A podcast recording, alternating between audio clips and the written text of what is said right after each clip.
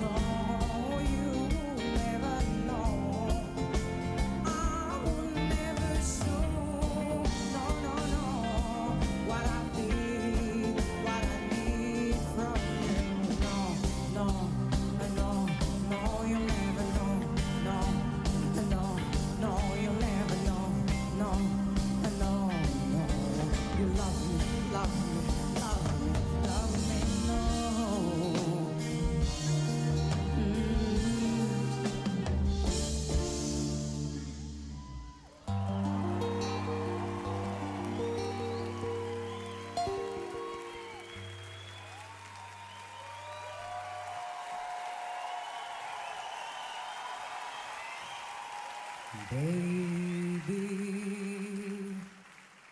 oh, you understand me now. If sometimes you see that I'm mad, no one can always be an angel. When everything goes wrong, you see some bad.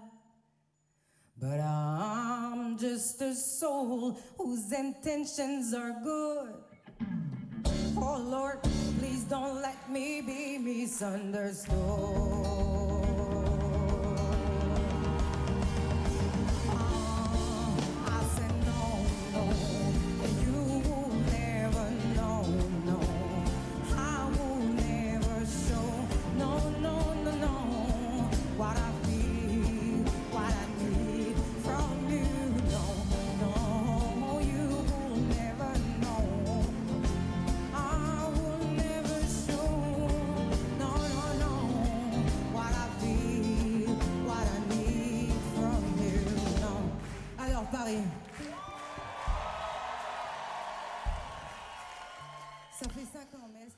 Size İmani'den sesler getiriyoruz. İmani, Komor adaları doğumlu bir Fransız sanatçı. Gerçek adı Nadia Milaccio. Kendisi aslında bir e, sanatçı değildi, ses sanatçısı değildi. Bir atlet, çok iyi bir atlet. Yüksek atlamacı, başarılı da bir atlet. Dereceleri olan, Fransa dereceleri olan bir atletti. Avrupa'da da keza dereceler kazanmış bir atlet. Atletik bir yapıya sahip. Çok güzel bir vücudu var ve bu yüzden de kendisini manken olmaya doğru yönlendiriyor. Önce biraz mankenlik yapıyor. New York'a gidiyor. Podyumlarda bir süre salına salına gezdikten sonra diyor ki yapacağım iş bu iş değilmiş. Benim bir de sesim var diyor. Sesini keşfediyor. Önce bedenini sonra vücudunu ve sonra da sesini keşfediyor. Tracy Chapman'ın bir parçasını, Tolkien'i dinleyince hayatı değişiyor. Evet diyor ben bunları söyleyebilirim. Afrika Soul müziğinin önemli temsilcilerinden birisi. Henüz 43 yaşında. Komor Adaları doğumlu demiştik. Komor Adaları Afrika'nın doğusunda Mozambik'in açıklarında Mozambik'e 300 kilometre kadar açıkta Madagaskar'la komşu bir ada. Madagaskar'ın hemen kuzeybatısında yer alıyor. Ve küçücük bir adacık aslında. Toplam 2034 kilometre kare, 850 binde nüfusu var. Komor Adaları Müslüman çoğunluğa sahip bir ülke bildiğiniz gibi. Ve Türkiye'yi de son dönemlerde verdiği desteklerden dolayı tanıyoruz. Kişi başına geliri çok düşük. Komor Adaları'nın 1337 dolar çok yoksul. Fakat aldanmayın. Yoksul bir ülkenin çok düzenli ve iyi bir gelir dağılımı olabilir. Mesela Gini katsayısı bakımından Türkiye ile yarışıyor şu anda. Yani Türkiye'deki gelir dağılımına yakın bir gelir dağılımı var. Türkiye'deki gelir dağılımının çok bozuk olduğunu biliyoruz. Ancak Komor Adaları çok yoksul olmasına ra- rağmen gelir dağılımı bizimkine yakın. Bir Müslüman ülke dedik ve İmani kendisini var etti. Biraz önceki You Will Never Know parçasıyla birazdan birkaç parça daha çalacağız. İmani'den bahsetmişken geçtiğimiz haftalarda çaldığımız bir sanatçı vardı. O da yine Afrikalı. Sona Jobarte. Sona Jobarte bugün akşam saat 20'de Cemal Reşit Rey'de bir konser veriyor. Eğer merak ediyorsanız kendisini dinlemeye gidebilirsiniz. Müthiş bir sanatçı. Ee, sonra sonra Jobarde bildiğiniz gibi Malili bir sanatçı ve kora çalıyor. Korasıyla bugün sahne alacak. Kora nasıl bir müzik aleti derseniz bir hatırlatalım. Kora bir e, bal kabağını ortadan kesiyorsunuz, içini boşaltıyorsunuz. Üzerine bir koyun derisi geriyorsunuz, gergin bir deri. Arka tarafında yani sapının arka tarafında 11, ön tarafında 10 teli var. Baş parmaklarla ve işaret parmaklarıyla çalınıyor daha çok. Bir tür böyle lir ve arp e, gö- görünümü veriyor. Sanatçı dizlerinin arasına yaslıyor ve öylece çalıyor. Dolayısıyla bugün Sona Cobarde'yi korasıyla dinlemek istiyorsanız Cemal Reşit Rey'e doğru bir yolculuk yapınız. Cemal, Kora, Sona da bildiğiniz gibi Malili ve Kora'da bir Batı Afrika çalgısı. Mali, Moritanya, Orta Afrika Cumhuriyeti ve Sudan'da daha çok çalınan bir çalgı ama Afrika'nın tamamında da biliniyor. Çünkü çok özgün bir çalgı, ilkel bir çalgı olarak başlayıp orkestralara girebilen bir çalgıya dönüşmüş durumda. Başlıyoruz. Önemli haberlerimiz var. Birkaç tane müjde vereceğiz. Hakikaten müjde. Yani şey olsun diye değil, espri olsun diye değil. Gerçek anlamda müjde geliyor. Şimdi hazırsanız. Bunlardan bir tanesi emeklilikte yaşa takılanlarla ilgili artık düzenleme eli kulağında. Bunlar seçim yatırımı bildiğiniz gibi. Seçimler şöyle, bütün ülkelerde böyledir ama bizde seçimlerin gerçekten hayatımızdaki ağır bir yeri olduğunu kabul etmemiz lazım. Seçimden seçime hayatımız bir parça değişiyor. İşte seçimler 4 yılda bir yapılıyorsa 4 yılda bir hayatımız değişiyor. 5 yılda bir yapılıyorsa 5 yılda bir 3 yılda bir yapılıyorsa 3 yılda bir değişiyor. Bizim de hayatımız seçime doğru biraz değişiyor. Şimdi emeklilikte yaşa takılanlarla ilgili yıllardır süre gelen beklenti bugün itibariyle sonlandırılıyor. Sabah gazetesinin haberi bu. Dolayısıyla sağlam bir kaynak olduğunu söyleyebiliriz. Ceride-i Sabah havuz medyasının amiral gemisi. Sabah gazetesine göre emeklilikte yaşa takılanlarla ilgili düzenleme hazır ve şöyle olacak. 1999 yılından önce işe girmişseniz ve 25 yıl çalışma koşulunu yerine getirmişseniz emekli olabiliyorsunuz. Erkekler için geçerli bu. Kadınlarda da yine 1999 yılından önce işe girmek koşuluyla ve 20 yıl çalışmak koşuluyla emekli olabilecekler. 1,5 milyon kişiyi kapsıyor şu andaki bu düzenleme. Ama 3-4 milyon civarında emeklilikte yaşa takılanlar var. Onların da durumu düzelecek. Söyleyelim onlara da müjdemiz var. Onları da kademeli olarak bir kademelendirme getirecek yasa ve o kademe sayesi, say- sayesinde prim gün ödemesini hesaplayarak yaş kıstasını göz önüne almayarak onlar da emekli olacaklar. Yani şöyle bugünün en güzel ve mutlu haberi şu. EYT'liler, emeklilikte yaşa takılanlar, 1999'dan önce işe girenler tamam onlar garantiledi. Daha sonra işe girenler de prim gün ödeme sayısı hesaplanarak onlar da aşama aşama emekli edilecekler. Ayrıca bir başka düzenleme var yine hayatımızda değişecek olan bir de yine bu, bu da bir müjde. Emekli maaşlarının düzeltilmesi hedefleniyor. Emekli maaşları 3500 lira civarında genellikle yani çok eski emeklilerden bahsediyoruz. Şimdi onun da asgari ücret düzeyine çıkarılması gerekiyor. 5250 liraya çıkaracaklar. E, yasa eli kulağında Çalışma ve Sosyal Güvenlik Bakanı birkaç gün önce hatırlarsanız her şeyi ha- hazırladık. Cumhurbaşkanı'nın onayını bekliyoruz demişti. Bir başka müjde daha var o da 3600 ek gösterge. 1 Ocak 2023 tarihi itibariyle yürürlüğe girecek. Düzenlemeyi bekleyen özellikle polis ve öğretmenler arasında yüz binlerce kişi var. AK Parti kurmayları yılbaşı itibariyle emeklilik isteyeceklerin sayısının 300 bini bulacağını belirtiyor. Önümüzdeki yıl bu kişilerin yerine de alımlar olacağı için kamuya alınacak personel sayısının yüksek olması bekleniyor. Şimdi hem EYT hem emeklilik e, yaşının e, 3600 ek göstergenin getirmesiyle çok sayıda kişi emekli olacak. Böylece emekli olanların yerine de işe alım gerçekleştirilecek. Bütün bunlar Haziran'a kadar olacak. Bir yandan bir takım kesimleri, bazı kesimleri mutlu, mutlu onlara mutluluk verecek bir haber veriyorsunuz, emekli ediyorsunuz. Yeni hayatlarına başlamasını sağlıyorsunuz. Onlardan boşalacak yere de gençleri istihdam ediyorsunuz. Tam bir seçim yatırımı olsun ama seçimden seçime de olsa hayatımıza gelen bu yenilikleri şevkle, aşkla karşılıyoruz. Bir güzel haber de bütün kadınları ilgilendiriyor. Yani 13 yaşından sonsuza kadar giden bütün kadınları ilgilendiriyor. Bir aşı var biliyorsunuz. Rahim ağzı kanserlerine karşı kullanılan bir aşı. Rahim ağzı kanserlerine karşı en az iki doz kullanıldığı takdirde önlüyor. Yani bilimsel olarak kanıtlanmış durumda. Hatta kanserlere karşı geliştirilen en başarılı aşılardan bir tanesi. Bu aşıların Türkiye'de kullanımı bildiğiniz gibi devlet garantisi altında değildi. Ama bir mahkeme kararı var şimdi elimde. Bu mahkeme kararına göre bundan böyle kadınlar rahim ağzı kanseri aşılarını yaptırabilirler. Parayı da gidip SGK'dan tıkır tıkır alabilirler. Hiç çekinmeden aşınızı yaptırın ve parayı da SGK'dan talep edin. Bir yargı kararı, bir yargı kararını açıklayan da Önce Çocuklar ve Kadınlar Derneği. Önce Çocuklar ve Kadınlar Derneği'nin sosyal medya hesabından şöyle bir açıklama yapıldı.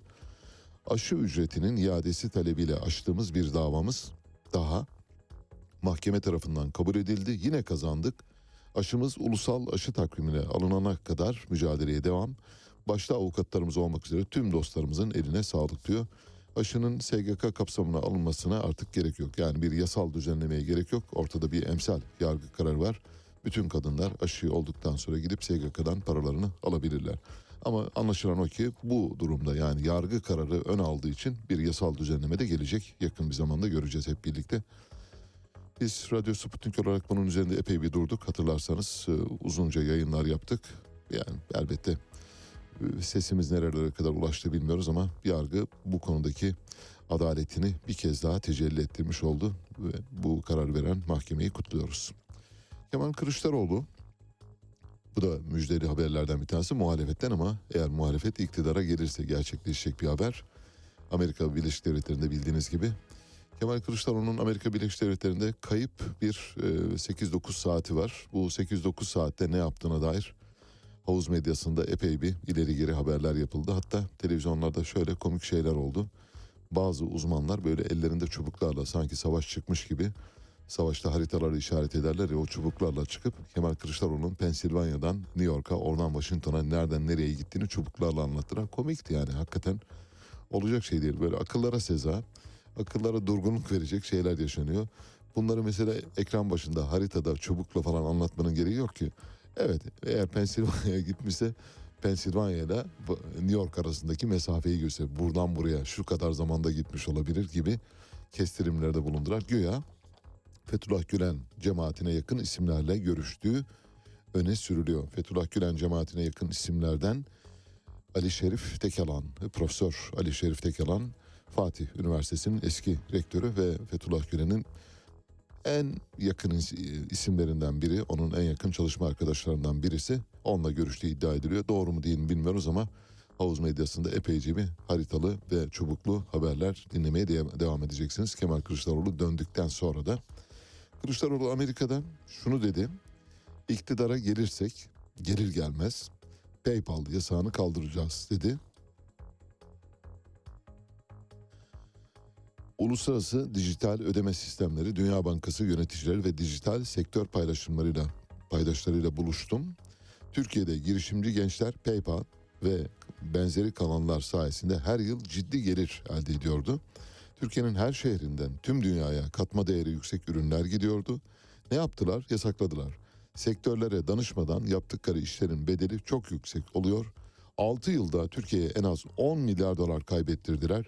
Girişimci gençlerimizi örseliyorlar. İktidara gelir gelmez PayPal yasağını kaldıracağız ve Web 3.0 platformlarını da yaygınlaştıracağız diyor. Bu da muhalefet cephesinden günün müjdeli haber olsun. İktidar cephesinden iki tane, muhalefetten bir tane müjdeli haber verdik. Şimdi müjdeler bitti. Hazırsanız hayatın gerçekleriyle sizi tanıştıracağız. Sansür yasası ya da gerçek adıyla sosyal medya yasası dün itibariyle parlamentoda kabul edildi.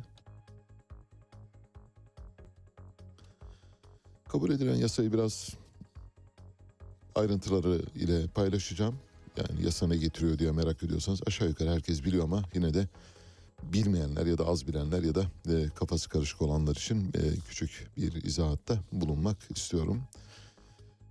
Düzenlemeye göre bir defa e, gazetecilerin basın kartı elde etmeleri kolaylaştırılıyor. Şu bakımdan kolaylaştırılıyor. Bugüne kadar internet sitelerinde ya da sosyal medya ağlarında bir organizasyon çerçevesinde gazetecilik ve benzeri görevleri yürüten kişilere de bundan böyle basın kartı verilecek. Ama basın kartı verilecek olan kişiler aynı zamanda kontrol altına alınacak. Yani siz bir e, muhataba karşı hesap vermek durumdasınız. Muhatabınız kim? Bu yasa.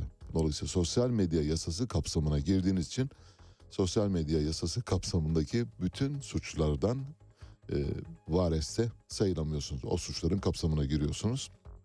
Kanuna göre yasal zemine kavuşturulmaları için internet haber siteleriyle basın kartına ilişkin konu, konular basın kanununun kapsamına alınarak radyo, televizyon, kamu kurum ve kuruluşlarının yürüttükleri enformasyon hizmetlerinde çalışan kamu personeli basın kartı düzenlenmesi bakımından süreli yayın çalışanları gibi değerlendirecek. Bu olumlu bir adım bence.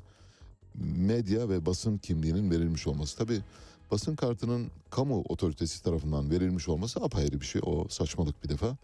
Bunun bir şekilde özel e, sivil toplum örgütleri tarafından, gazetecilik örgütleri tarafından verilmesi lazım. Yoksa kamunun basın kartı vermek gibi bir ödevi olmamalı.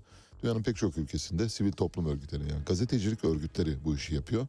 Yine bu orada da öyle olması lazım. Bir komisyon kurulacak ancak komisyonda olumlu bir durum var. Komisyonda gazetecilik sendikası temsilcileri olacak. Gazetecilerden yani yetkin gazetecilerden kişiler olacak. İki yıl boyunca bu görevde bulunacaklar. İki yıldan sonra yeniden seçilebilecekler ya da görev süreleri sona erebilecek. Basın kanununun amaçları arasına basın kartına ilişkin usul ve esasları bir- e- belirlemek de eklenecek. Basın kartı talep eden medya mensupları enformasyon görevleri kanun kapsamına dahil edilecek gibi böyle uzayan giden şeyler var. Cezai müeyyideler biliyorsunuz 29. madde yasa toplamda 40 maddeden oluşuyor ve 29. madde cezalandırmayı öngörüyor. 29. madde son derece muğlak yazılmış ve kapsamı son derece geniş. Hani böyle devletin birliği, varlığı, bütünlüğü, bölünmez bütünlüğü gibi böyle saçma sapan geçmişteki anayasalarımızda da yer alan, bugün de hala anayasalarımızda yer alan o kavramdan bir türlü vazgeçilmiyor. Dolayısıyla bölücülük ya da vatan bölücülüğü gibi suçların kapsamını geniş tutarsanız her şeyi o suçun içine sokabilirsiniz. Her şey bir torbanın içine atılabilir. Yasanın bu maddesinin değiştirilmesi ile ilgili önerge verildi. Kabul edilmedi maalesef. Olduğu gibi geçti. Yasa tehlikeli mi? Çok değil.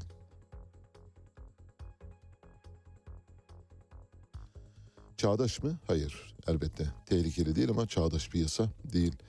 Şimdi eğer e, bu yasanın sizin hayatınızda bir şey değiştireceğini düşünüyorsanız, hazırsanız sizi önümüzdeki dönemde gelecek birazdan da telefon bağlantısıyla yayınımızın sonunda avukat Sefa Karcıoğlu ile konuşacağımız yeni bir düzenleme var. Hazırsanız asıl bomba geliyor. Asıl bomba şu. İnfaz yasası değişiyor. İnfaz yasası değiştiği takdirde iki yıldan daha kısa süreli hapis cezası öngörülen suçlardan yargılanan kişiler de cezaevine girebilecekler. Bugüne kadar neydi? İki yıla kadar olan infaz yasamız şunu öngörüyor. İki yıla kadar olan hapis cezalarında hakim erteleme kararı verebiliyor. Paraya çevirebiliyor ve hafifletici nedenleri kullanabiliyordu. Şimdi hakimler artık bu yetkiden sıyrılmış olacaklar. Daha doğrusu hakimlere böyle bir yetki verilmemiş olacak. Örneğin bir aylık hapis cezasını gerektiren bir suçunuz var değil mi? Basit bir suç işlediniz. Çok basit. Kazaen iz- işlediniz. Elbette hakim orada takdir eder onu. Kazaen işlediyseniz ve iradeniz dışında geliştiyse hakim takdiri elbette söz konusu olacaktır ama genellikle bu arada bu, yasanın infaz yasasının uygulanması sırasında kurunun yanında yaşla yanacaktır. Tam deyimini söyleyeyim isterseniz. Bildiğiniz gibi hünkârın öğleden sonraları uykusu, uykusu geliyormuş ve öğleden sonra şekerleme yapıyormuş hünkâr. Tam uykuya yatarken caddenin öte tarafından uzaktan sebze meyve satan seyyar satıcıların sesleri geliyormuş. İşte karpuzcu diye bağırıyor. Hünkâr tabii böyle uykudan sıçrıyor. Bir oluyor, iki oluyor, üç oluyor, dört oluyor. Haftalarca devam ediyor bu ama bir türlü hünkâr uykuya dalamıyor. Tam uykuya dalıyor bir seyyar satıcının sesiyle uyanıyor. Bunun üzerine çağırıyor Lala'yı. Diyor ki Lala bundan kelli bu caddede bağırıp çığırarak avazı çıktığı kadar sebze meyve her ne satıyorsa kişi o kişinin sattığı şey onun boğazından içine tıkıla. Lara hemen sokağa çıkıyor. Bakıyor uzaktan erikçi geliyor. Erik satarak şen şakrak bir erikçi geliyor. Hop erikçi diyor dur. Lara'nın arkasında iki tane de yeniçeri var. Tabii erikçinin beti benzi atıyor diyor ki tamam. Hakikaten papazı bulduk. Demek ki bir şey var. Yeniçeri korumasında geliyor. Buyurun diyor Lara Hazretleri. Bundan kelli diyor bu tür ürünleri satmayacaksınız. Bağıra çağıra yapmayacaksınız bu işi diyor. Şimdi gel diyor şöyle aç ağzını diyor. Tezgahtan birkaç tane erik alıyor ve boğazından içeri tıkıyor. Tabii bu boğaz değil biliyorsun. Fıkrayı uyarlıyorum radyoya. Birinci erik, ikinci erik, üçüncü erik, dördüncü erik, beşinci erik, on tane eriği tıkıyor boğazından. Bu arada erikçi sürekli gülüyor ama. Yani her erik tıkıldığında gülüyor. Lala diyor ki Hayırdır diyor. Hoşuna mı gitti? Yok diyor hoşuma gitmedi de diyor. Arkadan kavuncu geliyor ona gülüyorum şu anda. İşte bu infaz yasası kavuncu. Yani sansür yasası çıktı. Arkadan infaz yasası geliyor. Kavuncu arkada. Zincirlikuyu mezarlığının girişinde bir ayet vardır bilirsiniz. Der ki her nefis ölümü tadacaktır. Ankebut suresi 57. ayettir. Bu infaz yasası geçerse henüz daha ayrıntılarını bilmiyoruz ama birazdan yayında konuşacağız zaten. Bu infaz yasası çıktığı takdirde her Türk vatandaşı, Türkiye sınırları içinde yaşayan her kişi, Türkiye yasalarına tabi olan her kişi bir kez cezaevini tadacak. Söylüyorum net. Ya bir günde olsa çünkü yasanın getiriliş amacı şu. Deniyor ki iki yıla kadar hapis cezalarını biz erteliyoruz, paraya çeviriyoruz. Adam çıkıyor bir daha yapıyor. Dolayısıyla kontrol edilemiyor. ıslah görevi yerine getirilemiyor. Yani yasaların ıslah edici işlevleri yerine getirilemiyor. E ne yapalım? Şimdi Adalet Bakanı Bekir Bozdağ ve Adalet Bakanlığı bürokratları düşündüler, taşındılar. Dediler ki o zaman herkesi bir defa içeri sokalım. Basit bir suç böyle çok basit bir suç işlediniz. Mesela marketten gofret çaldınız değil mi? Geçmiş olsun. Bir gün yatırırlar sizi. En az bir gün. Herkesin bir gün cezaevinde yatabilmesinin yolu açılıyor. Nasıl? Kavuncu geliyor arkadan. Enflasyon bir armut gibi böyle olgunlaşıp daldan düşebilecek bir data değildir dedi. Şimdi fiyatlar düzeyi belli bir seviyeye kadar ulaştığında hepimizin günlük hayatında biz ne yapıyoruz? İşte bir bardak 10 lira, yarın 15 lira oluyor, öbür gün 20 lira oluyor. Siz eskiden altılı bir bardak alırken üçlüye dönüyorsunuz, ikiliye dönüyorsunuz. Talep burada azaldığında belki enflasyonun belli bir noktada durması sonucu oluşabilir. Enflasyon bir armut değildir. Olgunlaşıp dalından düşmesini beklemeyiniz değil mi? Bunu bir e, motto olarak yazmak lazım. Evet, birazdan kavuncunun gelişini avukat Sefa Karcıoğlu ile konuşacağız. Kendisi bir hukukçu. E, kişisel verilerin korunması kanunu ve hukuku çerçevesinde uzmanlığı var. Ayrıca sosyal medya konusunda da uzman bir hukukçu. Soracağız bakalım hayatımızda neler olacak onu hep birlikte anlayacağız. Daha net biçimde anlayacağız. Şimdi bir petrol dosyası açıyoruz. Petrol dosyasına açmamıza vesile teşkil eden Amerikan Hazine Bakanı Janet Yellen. Eski Amerikan Fed, Federal Reserve'ın başkanı Janet Yellen başarılı bir merkez bankacılığı döneminden sonra şu anda Amerikan hazinesini yönetiyor. Şöyle dedi, Amerika Birleşik Devletleri adına Rus petrolüne 60 dolarlık tavan fiyat Moskova'nın enerji gelirlerini azaltmak için yeterli diyor. Ne demek istiyor? Eğer Rusya'dan petrol alacaksanız 60 doların üzerinde kapik vermeyin diyor. 60 doların üzerinde bir sent bile vermeyeceksiniz Rusya'yı dize getiririz diyor. Peki acaba 60 doların altında petrol satınca Rus ekonomisi ne hale gelir diye merak ediyorsanız ona ilişkin küçük küçük bazı ipuçları vereceğim. En son 2018'de yayımlanan bir rapor vardı. OPEC çerçevesinde yayımlanan bir raporda Rusya ekonomisinin 80 dolar ve altında petrol fiyatlarıyla default ettiği ortaya çıkıyor. Petrol fiyatları 80 doların altına düşüyorsa Rusya ekonomisi petrole ve doğalgaza dayalı ve ham madde kaynaklarına dayalı ağırlık olarak bir ekonomi olduğu için hızla ekonomi çöküyor. Şimdi Rusya 24 Şubat'tan bu yana bir ambargo altında ekonomi çöküyor mu derseniz birazdan The Economist'in bir analizi var. Rusya'ya hatta bu ambargonun çok yaradığını söylüyor ekonomist. Bakalım 60 dolardan petrol tavan fiyat sınırlaması Rusya ekonomisini çökertecek mi çökertmeyecek mi bunu göreceğiz.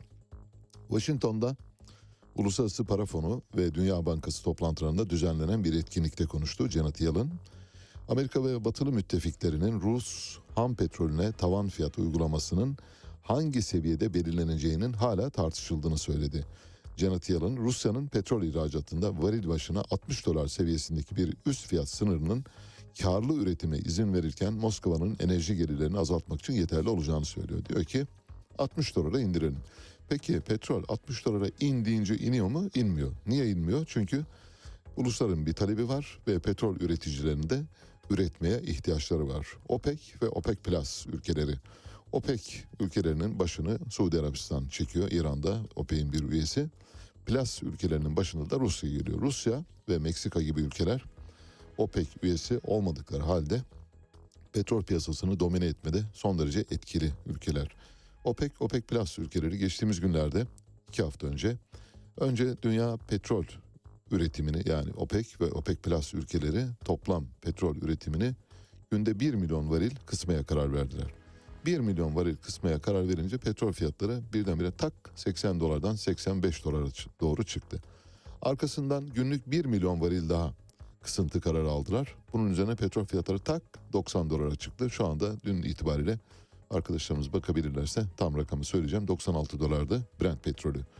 Demek ki OPEC, OPEC Plus ülkeleri mecburen bir üretim kısıntısı yapıyorlar. Çünkü ne kadar çok petrol verirlerse o kadar fiyatlar düşüyor. Amerika ne istiyor? Fiyatların düşmesini istiyor.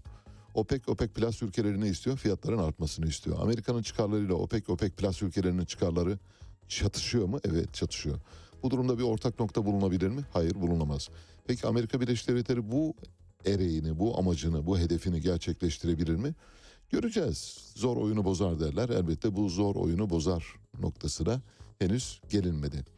Rusya Başbakan Yardımcısı Janet Yellen'a cevap verdi. Şöyle dedi. Tavan fiyat uygulayacak ülkelere varil başına ne 60 dolar ne de başka bir fiyata petrol vermeyeceğiz dedi. Siz bilirsiniz diyor. Arzu ederseniz tıpkı doğalgazda olduğu gibi doğalgazda da vallahi siz bilirsiniz bizim gazımız akıyor arzu ederseniz veririz. Verme istemezseniz keseriz dedi. Nitekim kesmeye başladı ve Avrupa daha kış gelmeden titremeye başladı. O sebeple hani bir atış yapacaksanız doğru yere atış yapmanız lazım. Aksi halde o bumerang olarak döner o mermi size. Şu anda o merminin doğalgaz mermisinin Avrupa'ya döndüğünü gördük zaten.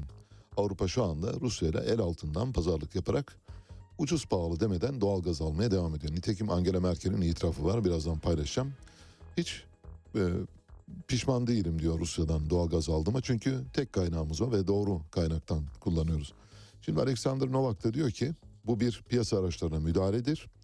Piyasa koşullarında çalışmaya hazır tüketicilerle çalışmaya hazırız. Yani 60 dolar gibi bir bariyer koymasanız sizinle çalışırız diyor. Bu arada Rusya Sri Lanka'ya da önemli bir petrol tedariği yapmaya başladı. Sri Lanka bildiğiniz gibi 5 senti kalmadığı için ülke iflas etti. Ve Asya'nın çok fakir, yoksul ülkelerinden bir tanesi. Orada birden çok darbe meydana geldi son birkaç yıl içinde ve bu darbelerden sonra ülke tamamen iflas etmiş durumda. Rusya Sri Lanka'yı şu anda petrol bakımından doyuruyor. Elbette bedava vermiyor ama uzun vadeli ve düşük faizli kredilerle veriyor bunu. Şu anda Sri Lanka'nın petrol pazarının yüzde altmışı Rusya'nın. Bu durumda Rusya Sri Lanka'yı yönetiyor diyebilir miyiz? Evet diyebiliriz. Parayı veren düdüğü çalar. Yani Sri Lanka'nın petrolünün yüzde altmışını veriyorsunuz. Karşılığında da elbette bir şeyler isteyebilirsiniz. Bu petrol oyunu böyle oynanıyor. Böyle oynandığı için doğru oynayanlar kazanıyor. Şimdi Avrupa petrol oyunu yanlış oyunu. Doğalgaz ve petrol oyununu o sebeple kaybetmeye mahkum. Avrupa'nın kaybetmeye mahkum olduğunu, Rusya'nın da kazanmaya başladığını görüyoruz. Sputnik Türkiye'nin bir haberi var. The Economist'in bir analizini konu ediyor. Goldman Sachs'tan gelen verileri aktaran The Economist, Rusya'daki ekonomik aktivite diğer büyük Avrupa ülkelerinden daha yüksek diyor. Nasıl? Demek ki neredeyse 8. ayını geride bırakacak olan bir ambargo var ve bu ambargo süresince Rusya aslında diğerlerine göre, diğer Avrupa ülkelerine göre ambargo içinde olmayan böyle refah içinde yaşayan Avrupa ülkelerinden daha iyi durumda diyor. Ekonomist söylüyor bunu. Değerlendirme o bakımdan önemli. Diğer Avrupa ülkelerinden daha yüksek bir aktivite gösteriyor diyor. Rus Devlet Bankası Siberbank tarafından hazırlanan harcama göstergesi kısmi seferberlik kararının ardından düşmesine rağmen tekrar yükseldi. Bir kısmi seferberlik var. Buna rağmen Rus halkının harcamaları tekrar yükselmeye başladı. Sadece o seferberlik ilanı sırasında bir düşüş gösterdi sonra tekrar arttı. Bu arada birkaç ay önce sıfıra yakın bir düzeye gerileyen otomobil endüstrisinde de üretim toparlandı Rusya'da. Bu da Rus üreticilerin Batı ülkeleri dışında bir tedarik zinciri kurduğunu gösteriyor. Hangisi olabilir bu tedarik zinciri? Mesela Çin olabilir mi? Evet olabilir. Malezya olabilir mi? Olabilir. Endonezya olabilir mi? Olabilir. Buralardan tedarik yapmaya başladı. Dolar bazında Rusya'ya yapılan aylık ürün ithalatı geçen yılın ortalamasının neredeyse aşmaya başladı. Yani ambargoya rağmen Rusya ekonomisi geçen yıldan daha fazla ürün ithal ediyor. Bir ülkenin ürün ithal edebilmesi için neye ihtiyacı var? Paraya ihtiyacı var. Para ne? Döviz. Döviz ne? Dolar ve euro. Demek ki Rusya'nın yeterince dövizi var. Doları ve eurosu var.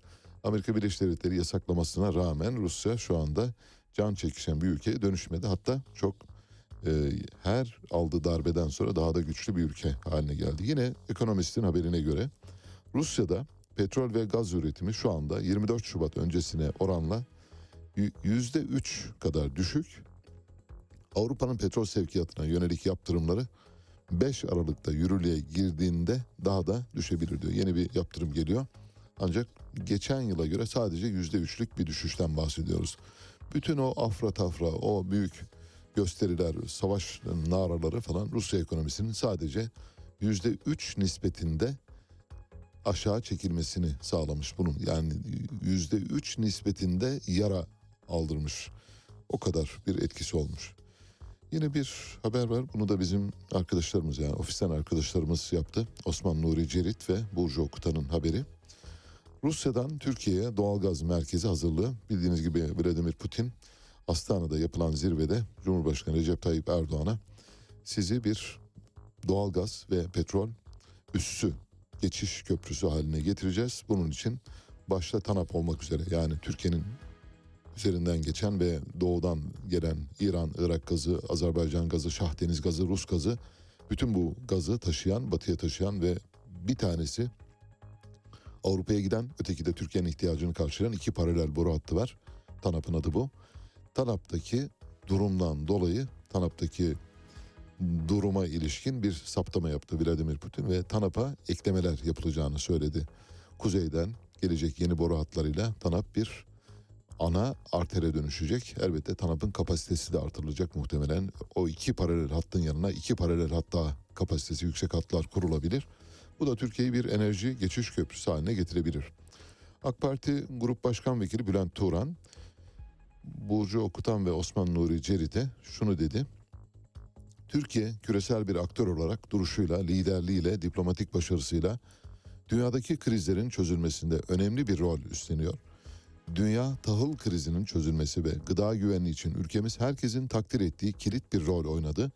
Dünya barışının güçlü bir şekilde tesis edilmesi, konjonktürel sorunların ortak akılla çözülmesi tüm insanlığın ihtiyacı. Bugün Avrupa'da büyük bir enerji krizi konuşuluyor.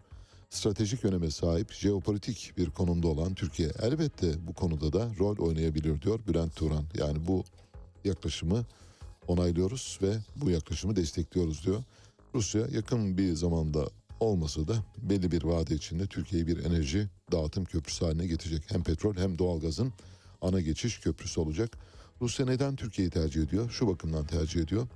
Güneyden boru hatlarının geçirilmesi hem çok uzun hem çok masraflı hem zaman kaybına yol açıyor. O yüzden güneyi dolaşmıyor. Yani Akdeniz'i dolaşarak gidemiyor. Akdeniz'i dolaşarak nereden gidebilir? İran, Irak, Suriye'yi izleyerek Akdeniz'e girebilir. Oradan Akdeniz'in açıklarından İtalya'ya kadar gidebilir ki çok devasa ve uzun. Neredeyse boru hatlarının uzunluğunu 3-4 kat artıran bir güzergahtan bahsediyoruz. Hatta daha fazla artıran. Bu yüzden en kestirme güzel güzergahları tercih ediyor. En kestirme güzergah ne? Bir tanesi şu anda Ukrayna'nın da içinden geçen bir doğalgaz boru hattı var. Ukrayna ile Rusya'nın arası çok iyi olmadığı için, çok kötü olduğu için daha doğrusu Rusya Kuzey Akım 1 ve 2 boru hatlarını yapmaya başladı. Kuzey Akım 2 boru hattı Ukrayna'yı bypass ediyor, Polonya'yı bypass ediyor. Yani Rusya'nın ilişkisinin iyi olmadığı, ilişkilerinin iyi olmadığı bütün ülkeleri bypass ederek nereye iniyor? Almanya'ya iniyor. Ve Kuzey Akım bir boru hattına geçtiğimiz günlerde sabotaj yapıldı. Demek ki Rusya şunu düşünüyor. Güneyden götüremem. Çok uzun ve masraflı dolan başlı bir yol. Kuzeyden de götüremiyorum çünkü gelip sabotaj yapıyorlar. O zaman ne yapmak lazım? Güvenli bir yol var. İşte Türkiye, Anadolu. Anadolu'nun bir başından girer, öbür başından çıkarız diyor. Bence aklın yolu bir. Yani bugüne kadar yapılmamış olması bence hata. Bundan sonra yapılırsa hem Türkiye açısından büyük bir kazanım olabilir. Yani Türkiye elbette geçiş haklarından kaynaklanan bir gelire sahip olacak. Ayrıca bir stratejik üstünlüğü olacak. Yani işte arıza yaptık, vanayı kapattık. Mesela Rusya bunu yaptı bildiğiniz gibi Kuzey Yakın birde.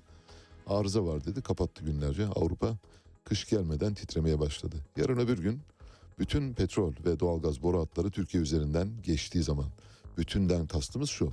Rusya'nın doğalgaz petrol boru hattı.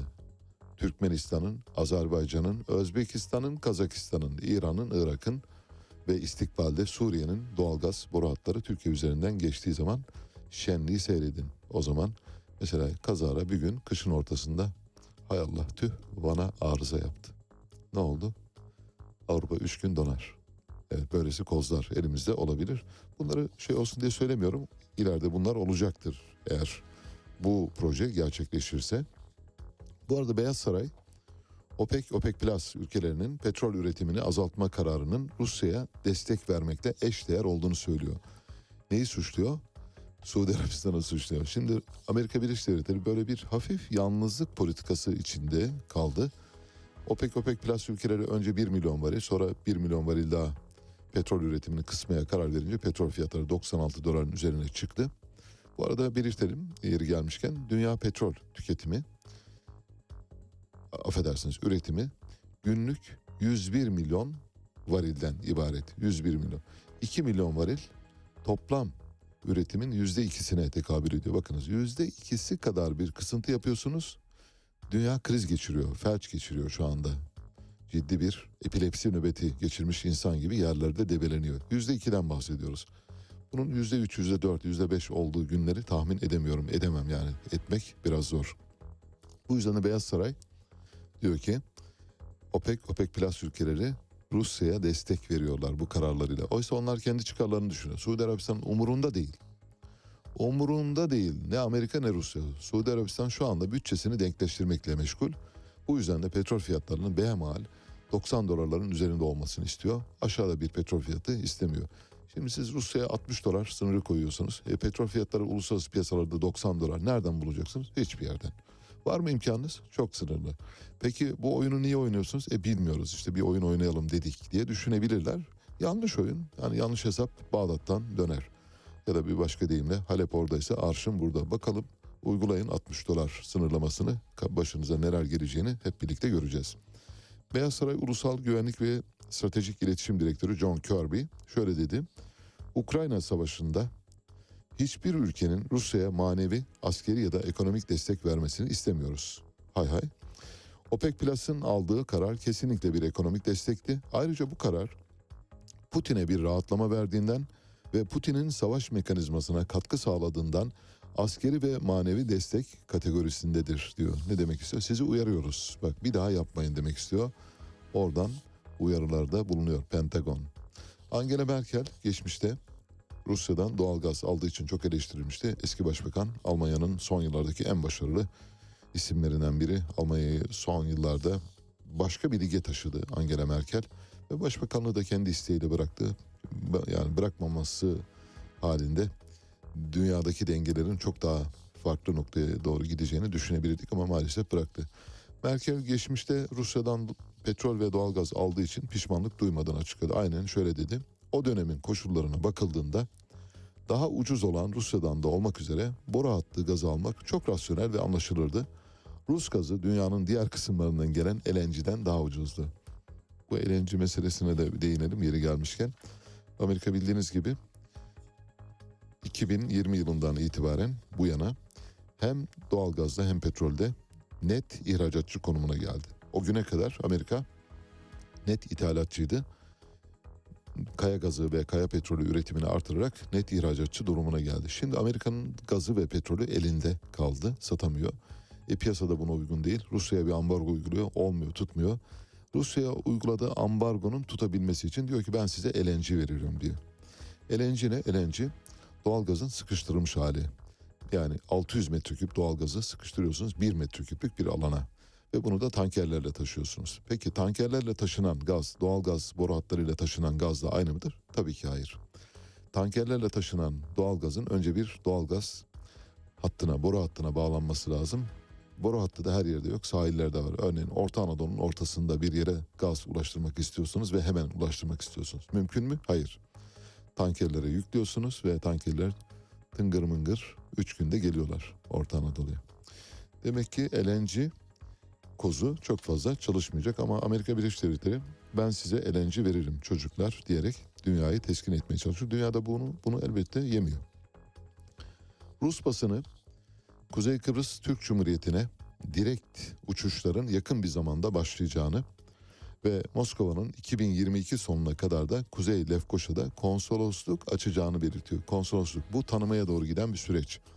Rusya ile Türkiye'nin ilişkilerinin ne noktaya geldiğini anlatmak için sadece bu cümle bile yeter. Konsolosluk açmayı bile düşünüyor. Yani sağlam Rus basınının verdiği haberlerden bahsediyorum. Bu arada Nurettin Nebati ile Kemal Kılıçdaroğlu enteresan bir şekilde ve Türkiye Cumhuriyeti tarihinde son 22 yıldır görmediğimiz bir şeyi gerçekleştirecekler. Aynı uçakla, tarifeli uçakla gelecekler Amerika'dan. Nasıl? Kardeş kardeş. Böyle yan koltuklardan birbirlerine fındık fıstık atarlar artık değil mi? Böyle sağdan soldan. Kemal'cim şundan bir tadına baksana çok güzel. Ben yedim vallahi. Yani biraz kilomu korumak istiyorum. O yüzden çok fazla yemek istemiyorum. Biraz da sen ye.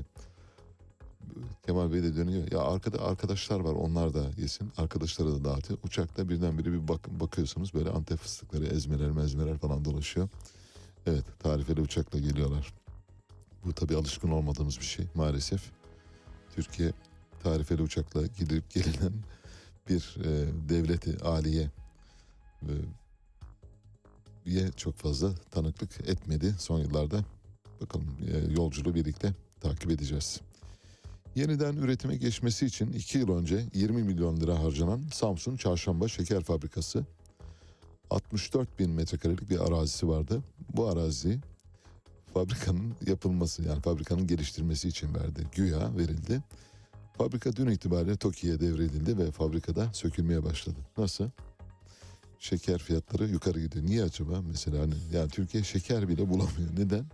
Vallahi bilmiyoruz. Bir sebebi var. Yok yok hayır bir sebebi yok. Yani öyle bir suni darlık yaratılıyor. Malatya'da bir vatandaş arabasını iPhone 14'te takas etti. Yani bir iPhone 14 Pro Max verdi. Bir tane tabii arabası da ama bu arada şey yani hani mezarlıktan yeni çıkmış bir araba gibi. Yani hurdalığa verseniz almazlar öyle bir araba ama olsun bir iPhone ediyor. Yani sonuçta bir tanesi araba yani dört tekerlekli yürüyor yani bir yerlere doğru gidiyor çalışıyor vitesi var kornası var şusu var busu var çalışıyor 57 bin lira. Demek ki bir araç 57 bin liraya kadar düşmüş durumda ya da bir iPhone'un alım gücü çok yüksek. Dün de paylaşmıştık hatırlarsanız bir yani Türk halkına bir jest olsun diye söylemiştik. Eğer bir yurt dışı seyahat yapmak istiyorsanız Çek Cumhuriyeti, Macaristan, Polonya, Slovakya, Slovenya biraz da Bulgaristan olabilir. Bulgaristan'dan çok emin değilim ama bu saydığım ülkelerden eminim. Bu ülkelerden birine gidiş dönüş iki gün gecelemeli bir tur alın ya da bir otel rezervasyonu yapın. İki gün gecelemeli uçak gidiş dönüş gidiyorsunuz. iPhone'u da cebine koyup geliyorsunuz. Ve yine Türkiye'de satılan iPhone'dan daha ucuza geliyor. Nasıl? Hani böyle kınıyoruz ya Bulgarlar Türkiye çok ucuz olduğu için geliyorlar şekerim. Arabalarının bagajını koltuk altlarına kadar doldurup gidiyorlar. E, gelecekler tabii. Yani ucuzsa gelecek. Senin ülkende çok pahalı olduğu için senin vatandaşların da yurt dışına iPhone almaya gidiyorlar. İşte bu sebepten dolayı gidiyorlar. Türkiye pahalı olduğu için Türk vatandaşları yurt dışına gidiyor. Türkiye ucuz olduğu için Bulgar vatandaşları Türkiye'ye geliyor. İki yönlü bir ilişki var. Yadırgamamak lazım. Yadırganması gereken bizim içerideki fiyatlar düzeyimiz. Antalya'nın Demre ilçesinde bir simitçi, simit tablasının başında çekilmiş fotoğrafı da var. Ama simit de dağ gibi yani hani simit sat sat bitmez akşama kadar. Üst üste dört tane tabla koymuş. Yerli vatandaşlara, Türklere yedi buçuk liraya satıyormuş simidi. Turistlere, yabancılara 20 liraya satmış.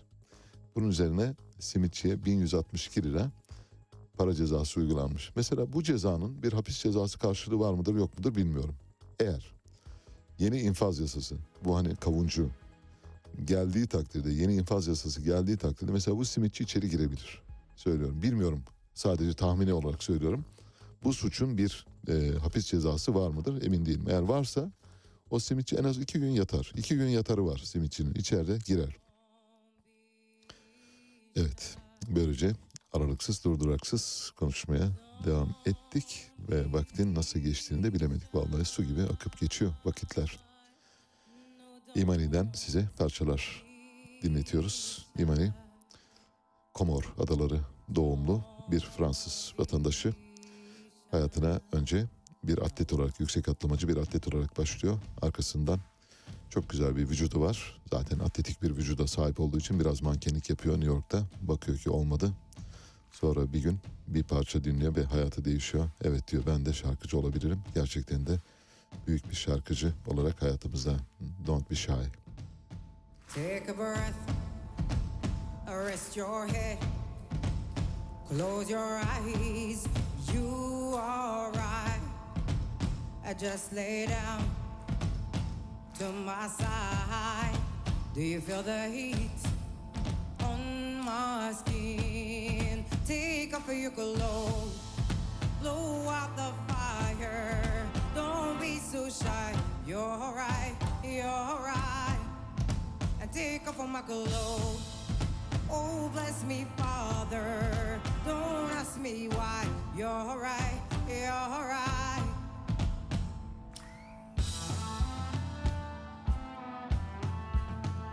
Paris, est-ce que vous êtes là?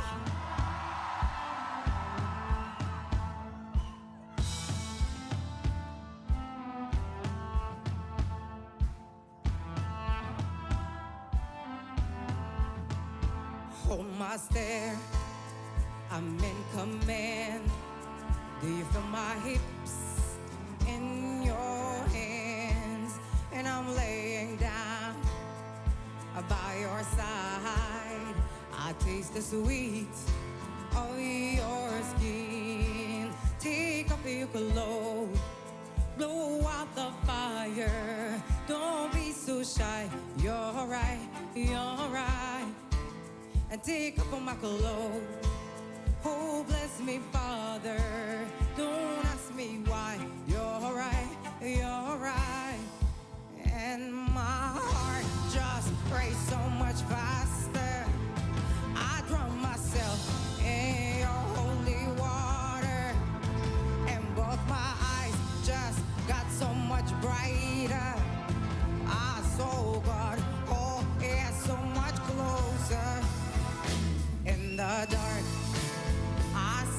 Smile. Do you feel my heat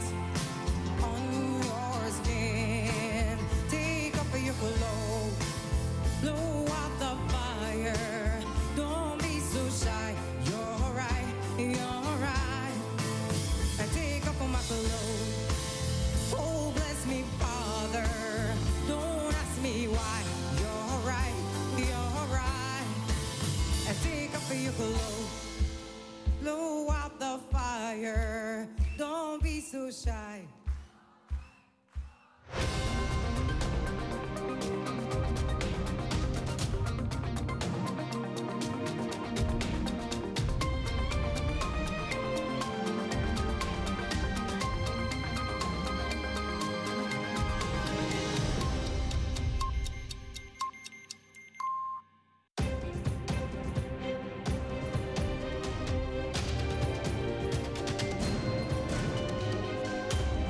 Radyo Sputnik. Anlatılmayanları anlatıyoruz. Saat 8 gündemden gelişmelerle sizlerleyiz. Ben Mehtap Yeni Doğan. Önce özetler. Cumhurbaşkanı Erdoğan'la Rusya Devlet Başkanı Putin Astana'da bir araya geldi. Gündemde Türk akım üzerinden Avrupa'ya gaz tedariki vardı. Bakan Akar Yunan mevkidaşıyla görüştü. Kamuoyunda sosyal medya düzenlemesi olarak bilinen kanun teklifi Meclis Genel Kurulu'nda kabul edildi. Ayrıntılar birazdan.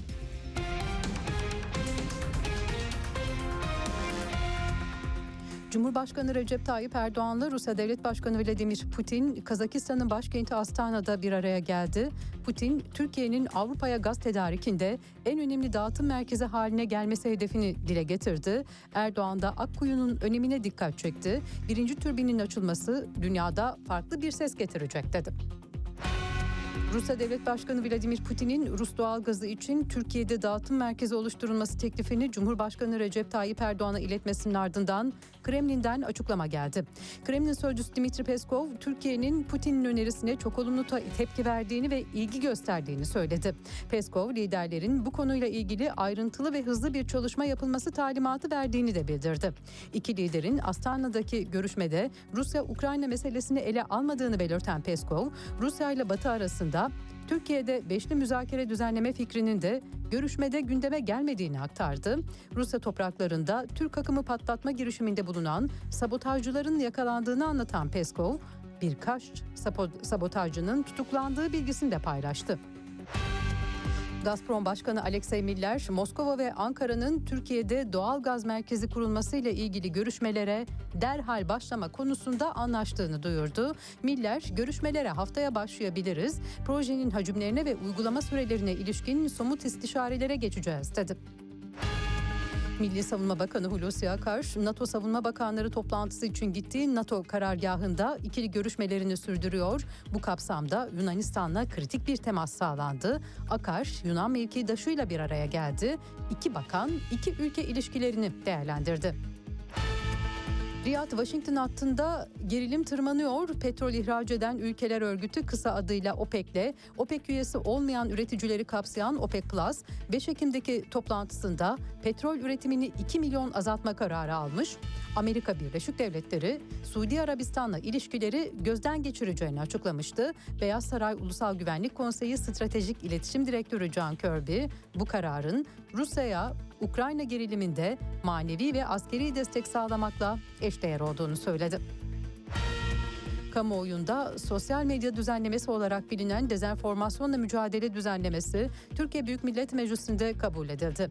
Muhalefet sansür yasası olarak nitelendirdiği düzenlemenin 29. maddesine karşı çıkıyor.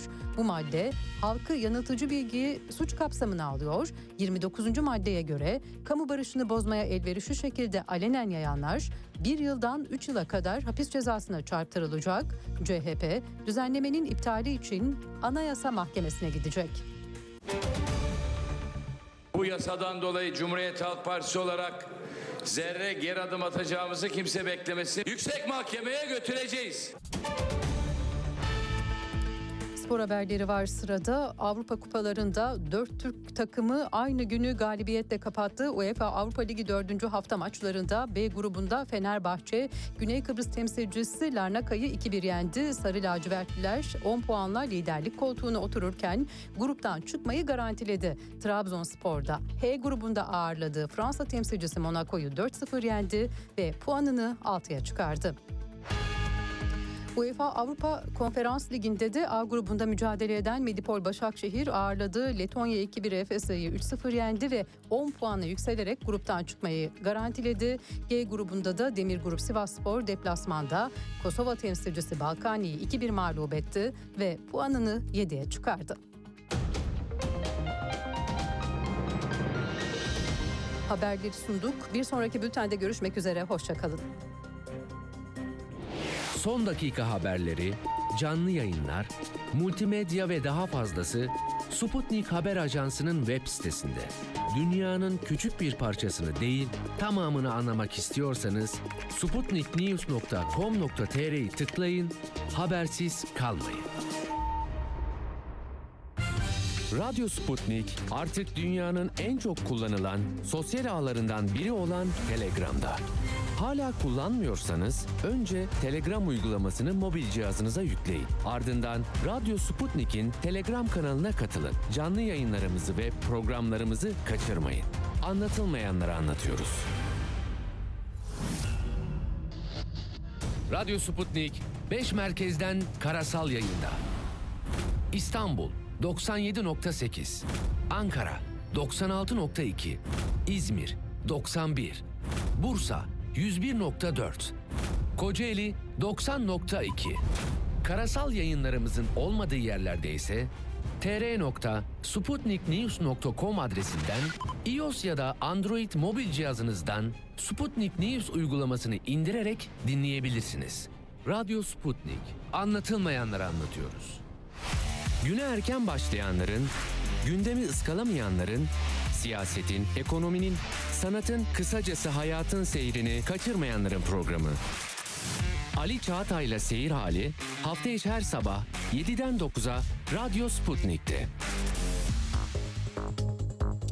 Evet, e, İmani'yi beğendiğinizi tahmin ediyorum. Yazanlar var çünkü parçanın adını soranlar, e, sanatçıyı tanımak isteyenler var. Yazdık. İmani bildiğiniz gibi Komor Adaları doğumlu bir Fransız sanatçı hayatına atlet olarak, yüksek atlamacı olarak başlamış. Arkasından bu atletik vücuduyla bir de sahneye çıkayım, podyumlarda gezineyim demiş. Bir süre New York'ta mankenlik, modellik yaptıktan sonra kendi sesini keşfedip ve sahnelerde şu anda boy gösteriyor. Ona benzer bir sanatçı daha önce de söylemiştik hatırlarsanız Sona Jobarte. Sona Jobarte Malili bir sanatçı ve kora çalıyor. Bugün saat 20'de Cemal Reşit Rey'de sahneye çıkacak. Biz bunu 2-3 hafta kadar önce duyurmuştuk. Yani Türkiye'ye geleceğini bilmiyorduk ama en azından çalmıştık. Dolayısıyla bilenler var. Müthiş güzel bir ses. O korasıyla da böyle olağanüstü bir güzellik abidesi olarak sahnedeki yerini alacak. Koranın da çok güzel bir çalgı olduğunu söyleyelim bu arada. Şimdi bir ses kaydı dinleteceğiz. Ekrem İmamoğlu bu haberinde e, ilk herhalde Türk medyasında özel ve güzel Türk medyasında ilk e, paylaşanlardan biri biziz. İstanbul'da Sultanahmet'teki meşhur antik hipodromun gün ışığına çıkarılması, ayağa kaldırması ile ilgili bir proje yürütülüyordu. Bu- Buna dair bir sanat tarihçisi, arkeologla da konuşmuştuk. Ve hangi bölgeleri kapsadığını geçmişte hipodromun bulunduğu yerde bugün nelerin olduğunu hipodromun duvarları ama ayağa kaldırılabilecek durumda 5 metre kadar yerin altına inildiği takdirde hipodrom neredeyse e, o günkü haşmetiyle karşımıza çıkacak. Bu projeyi anons ettiğimizde, kullandığımızda, haber olarak verdiğimizde İstanbul Büyükşehir Belediyesi'ni aradık. Proje biraz böyle korsan bir şekilde yayıldı. Bu aslında bizim çok fazla açık etmek istemediğimiz bir projeydi falan gibi şeyler söylediler. Anlaşılan o ki Ekrem İmamoğlu'ndan korktular. Yani onun açıklamasını istediler. Evet Ekrem İmamoğlu dün çıktı projenin ne olduğunu adıyla sanıyla söyledi. Bu projeyi takip edeceğiz. Önümüzdeki günlerde yeni telefon bağlantılarımız olacak. Bence çok önemli. Çünkü İstanbul'a yeni bir varlık kazandırıyor. Yeni bir miras kazanıyor. Roma'daki İspanyol merdivenleri her neyse bugün insanların gittiğinde herkesin bir defa İspanyol merdivenlerine oturup fotoğraf çektirdiğini biliyoruz. Burası da böyle bir yere dönüşecek. Bu bakımdan son derece önemli ve tarihi mirasın ortaya çıkarılması bakımından Ekrem İmamoğlu dün proje hakkında bilgi aldı. Yunus Hipodrom'un kenarlarından akslarda bugün e, İbrahim Paşa Sarayı'nın altından da bir geçiş vardır. Alanın içinde de var. Aslında eski hipodromdan bu alana geçişler vardı. Yani biz kotun altına yeterince iner ve orada 2-3 metrelik bir tünellerle ulaşabilirsek bu kottan alttan direkt hipodromun e, spendoresine ulaşabiliriz ve bu hayal bile edilemeyecek bir e, sürpriz Yani milyonlarca insanın deneyimlemek isteyeceği bir aslında alan. Yani var olan bir hazine yani aslında. Evet Yerin başkanım. altında duran bir hazine. İstanbul Hipodromu ayakta ve bu turizm açısından olağanüstü bir potansiyeli e, taşıyor. Projemizi ilk defa burada halkla tanış, tanıtmış olacağız. Güzel. E, proje aslında çok rahat yapılabilir durumda. Projeyi bir buçuk yıl önce çalışmaya başladık. Bizim çok evvelden geliştirdiğimiz projeyi 50 kişilik bir e, kurulla e, çalıştık başkanım. E, bu üç ayrı ekiple ve he- her birisinde tarihçiler, e, Bizans e, uzmanları, Osmanlı e, mimarlık uzmanları, tarihçilerin ve mimarlık uzmanlarının olduğu bir ekipti.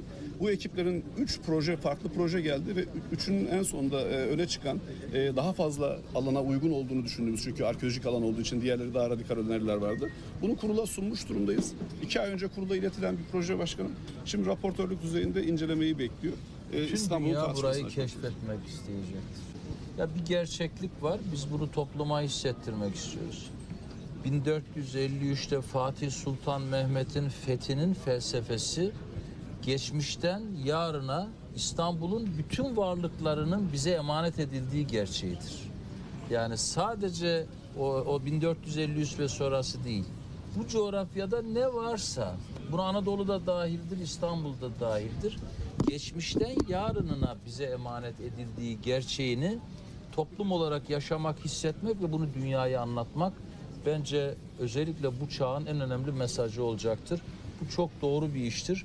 Burada var olan bütün, gerçekleşen bütün eserlerin de aynı zamanda korunduğu ve bir arada nasıl güzel bir ahenk geliştirdiğini de hem eee, burada yaşayan insanlarımıza hem de bütün dünyaya servis servis etme becerisini gösterdiğimizde işte o zaman yani dünyaya hak ettiği mesajı İstanbul vermiş olur. Evet biz e, projenin ilk farkına varan e, medya grubuyuz. Dolayısıyla buradan hani bir gurur payı çıkarılması gerekiyorsa burada da bizim küçük böyle minnacık bir payımız var. Onu belirtmiş olalım. İlk kez biz kamuoyuyla paylaştık. Bakalım takip edeceğiz bu projeyi ben son derece önemli olduğunu düşünüyorum. İstanbul'un bütün e, tarihi geçmişinin yani milattan önceki yıllara uzanan geçmişinin de gün çıkarılması ve bütün ihtişamının yansıtılması bakımından son derece önemli olduğunu düşünüyoruz. İstanbul'a sadece bu hipodromu görmek için gelmek isteyecek olan yeni yeni yığınlar olabilir. Elon Musk bildiğiniz gibi bir parfüm çıkarttı. Yanmış saç kokulu parfüm bildiğiniz gibi 100 dolara satılıyor. Çıktığı günden bugüne kadar henüz 10 bin adet satılmış durumda. Yani bir işporta tezgahına koysanız un kapanında 10 bin taneden fazla satarsınız aynı zaman diliminde satamıyor bence. Ve en son bir tweet paylaştı. Dedi ki please buy my perfume so I can buy Twitter. Eğer parfümümü alırsanız ben de Twitter'ı alacağım diyor. Tam böyle şeye döndü. Yeni cami dilencisine döndü şu anda. Yeni cami dilencisi. Allah rızası için bir yardımda bulunun. Çoluk çocuk aç evde bekliyoruz falan. O noktaya geldi. Ve Elon Musk en sonunda çocuk yapmaktan artık vazgeçti. Bugüne kadar 10 çocuk yaptı. Dedi ki ben üzerime düşeni yaptım ve artık bebek sahibi olmayacağım. Şimdi üzerime düşeni yaptım ne demek? Şunu demek istiyor. Öyle bir e, öylesine bir seçkin sperme sahibim ki yani benim spermlerimle dünyayı değiştirebilecek bir güce ulaşabilirim ama burada kesiyorum çocuklar burada kalsın yeter tadında bırakalım noktasına getirdi. Babası da biraz böyle e, hafif erojenik bir adam E, yani o da böyle libidosu çok yüksek. Baba e, Elon Musk'ın yani 10 katından daha fazla yüksek libidoya sahip üstelik de çok yaşlı olduğu halde artık çocuk sahibi olmayacağım demiş. Peki biz kendisinin dünyaya yeni çocuklar getirmesini istiyoruz. Bizi mahrum etmesin lütfen. O genetik kodlarından. Bir skandal benzeri durum var. Suriyeli çocukların eğitimleri için bir entegrasyon projesi yürütülüyor. Bu entegrasyon projesinin adı da kısa adı PİKTES. Suriyeli çocukların Türk eğitim sistemine entegrasyonunun desteklenmesi projesi kısa adıyla PİKTES. PİKTES kapsamında Suriyeli çocuklara bir oyuncak dağıtılmış. Anma ve lakin oyuncağın bir aparatı yetişkinler için olan bir aparatı çocuklar için de konulmuş. Aparatın üzerinde şöyle diyor. Seks istiyorsan zile bas diyor. Bunun üzerine fark edildi. Fotoğrafı da var. Arkadaşlarımız paylaşacaklar. Seks istiyorsan 8-10 yaşındaki çocuklardan bahsediyoruz bu arada belirtelim. Plastik Bardaklar isimli bir oyun bu. Ve fark edilir edilmez 2000'e yakın oyuncak dağıtılmıştı. Hepsi toplandı. Bir zeka oyunu aslında. Pra- Pratik Bardaklar adını taşıyor. E, Üzerinde bir tuş var. Ring for Sex diyor. Çocuklar bunu alınca tabii bazıları durumu fark ediyorlar. Elbette çocukların yani zekaları e, yaşlarıyla mütenasip değil biliyorsunuz. Hemen kavramışlar bunu hocalardan birine göstermişler. Hocalar da panik halinde toplatmışlar. Ee, toplam 9 zeka oyunu var. Ee, bir tanesi de işte bu Ring for Sex. Evet. Madonna eşcinsel olduğunu açıklamış. Kendisi 64 yaşında. Allah uzun ömürler versin.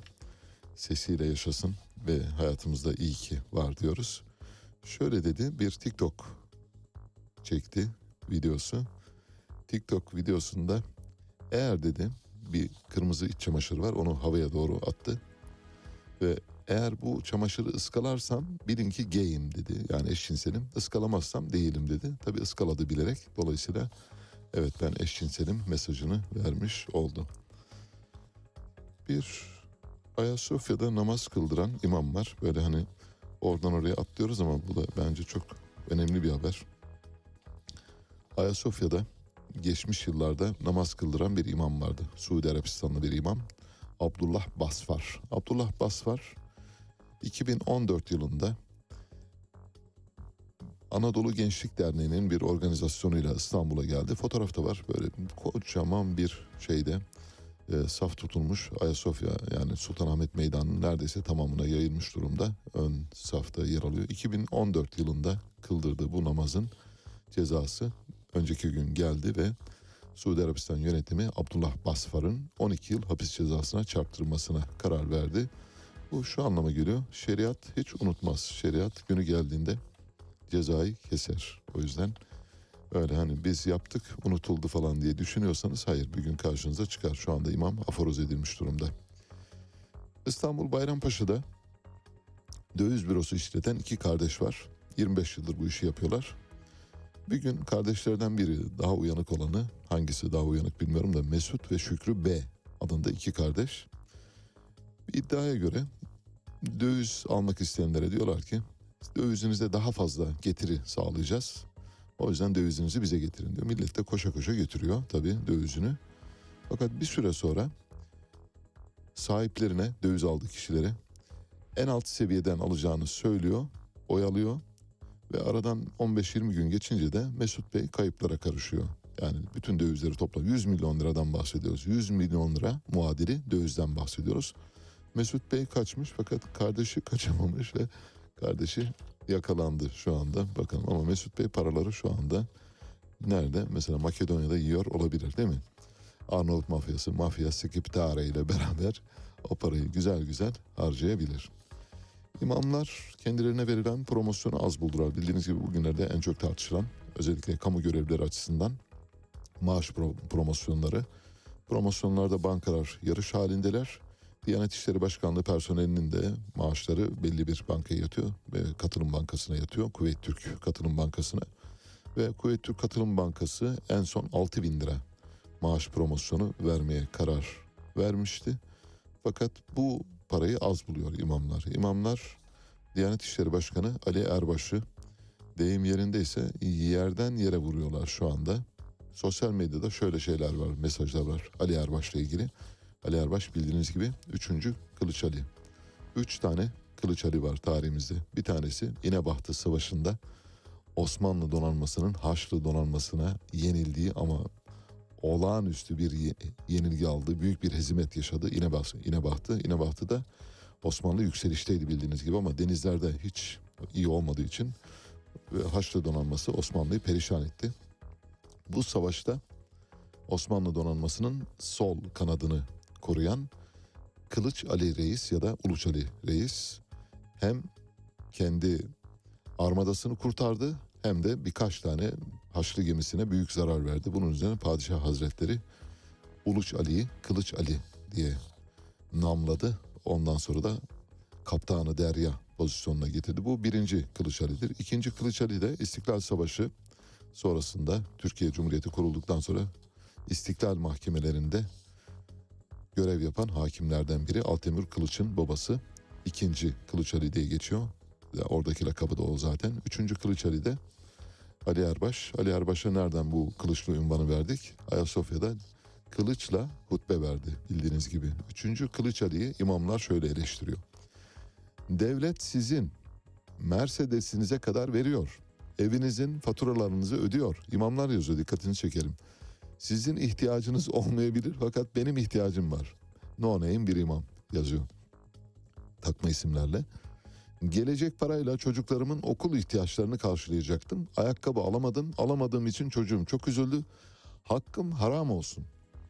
İşçi maaşı alıyorum. Evim kira. Birikmiş kredi kartı borcumu ödeyecektim. Ödeyemiyorum. Diyanette ilk defa personelle kurbanda bayramlaşma olmadı. Yüzüne karşı söyleyecektik fakat gelmedi. Umduğumuz gibi güncellenmedi. Kimse mutlu değil. Diğer kamu kurumlarına göre 20 binden fazla kaybımız var diyor. İmamlar isyan etmiş durumdalar. Vallahi 90 bin imam yürüse yeri titretir. Ama işte yürümüyorlar. Yürü- yürüseniz size o ulufeyi hemen verirler. Selahattin Demirtaş bildiğiniz gibi cezaevinden bir açıklama yapmıştı. Bu açıklaması sırasında bildiğiniz Mersin'deki saldırıyı kınamıştı. Aynen şöyle demişti. Mersin'deki silahlı saldırıyı kınıyorum. Siyasetin sorumluluğu şiddet dışı çözümlerde ısrarcı olmaktır. Ölümleri durdurmaktır. Şiddetin her türlüsüne karşı çıkacağız. Demokratik siyasette ısrarcı olacağız. Bunun herkes tarafından net olarak bilinmesini isterim. Demirtaş'ın kınama mesajının ardından PKK'nın üst düzey alt düzey yancısı yolcusu bütün isimleri Demirtaş'a saldırdılar. Duran Kalkan'dan Abdullah Öcalan tabii içeride olduğu için o sessiz kalıyor ayrı. Hemen hemen pek çoğu evet açıklama yaptı ve Selahattin Demirtaş'a fazla konuştun ötme dediler. Aynen bu anlama gelen sözler ettiler. İşte şimdi Selahattin Demirtaş'a bir koruma kalkanı oluşturuluyor. Ahmet Türk, Sırrı Süreyya Önder ve Sırrı Sakık Selahattin Demirtaş'la görüşmek üzere cezaevi yönetiminden izin talep ettiler. Ama henüz izin verilmiş değil. Bu dayanışmanın bir parçası. İkinci parçası da 290 aydın sanatçı ve önde gelen e, kamuoyunun tanıdığı isim bir imza kampanyası başlattı. İmzalı destek verdiler 290 imzayla Demirtaş'a yönelik olarak. Şöyle dediler Demirtaş'ın bu açıklamasını destekliyoruz anlamında. Bizler ölüme karşı yaşamı, savaşa karşı barışı, şiddete karşı demokratik siyaseti amasız savunanlar, yaşamsal sorunlarımızın baskıyla, silahla, şiddetle değil, özgürlüklerin sınırlarının genişletilmesi, demokratik siyasete ve diyalogla çözümlenebileceğini kararlılıkla savunan HDP yönetimi ve Selahattin Demirtaş'ın arkasında duruyor. Onlara yönelen saldırı ve tehditleri hepimize yapılmış sayıyoruz. HDP'ye ve HDP'li milletvekillerine yönelik devlet şiddetini en ağır şekilde kınıyor. Şiddeti teşvik eden ve uygulayanların cezalandırmasını talep ediyoruz diyor. Çok sayıda isim var 290 isim hepsini tek tek okumayayım. Birkaçını okursam diğerlerinin alınmasına yol açabilir o bakımdan. Ama buradaki bir ibareyi hatırlatmak istiyorum. Yani bu 290 imzanın sahibine. Cümle şöyle bir daha okuyorum. Diyor ki bizler ölüme karşı yaşamı, savaşa karşı barışı, şiddete karşı demokratik siyaseti amasız savunanlar. Şimdi niteleme bu. Bir sıfat tamlaması yapıyorlar. Amasız savunanlar. Bu 290 ismin 290'ı da yetmez ama evetçi. Nasıl? Ha? Nereye koyacağız? Amayı nereye koyacağız? Şimdi bana amanı amanın yerini söyleyin.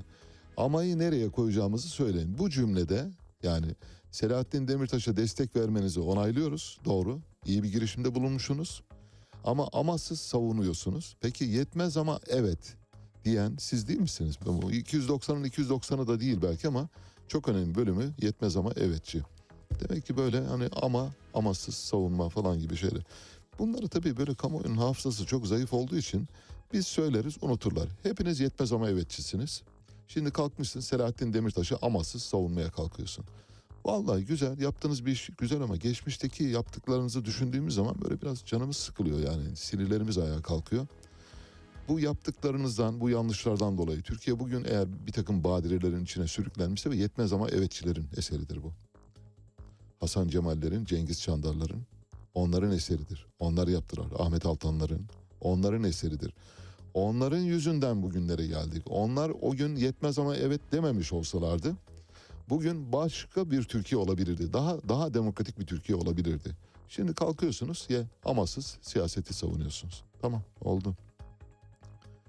Türkiye'nin ilk değişken kalibreli keskin nişancı tüfeği KN-12 envantere girdi. Şimdi bu silahın bir hikayesi var o yüzden silahı seçtim. Yoksa amacımız silah tanıtmak değil. Arkadaşlarımız fotoğrafını da paylaşacaklar. Böyle e, hafif bir dipçiği olan, e, bir rampası da olan, oturtulabilen dürbünlü laser point bir silah. Aynı zamanda laser point ne? Hedefi gözünüzü tekini kapatmadan ateş edebiliyorsun. Laser point gidiyor hedefi buluyor.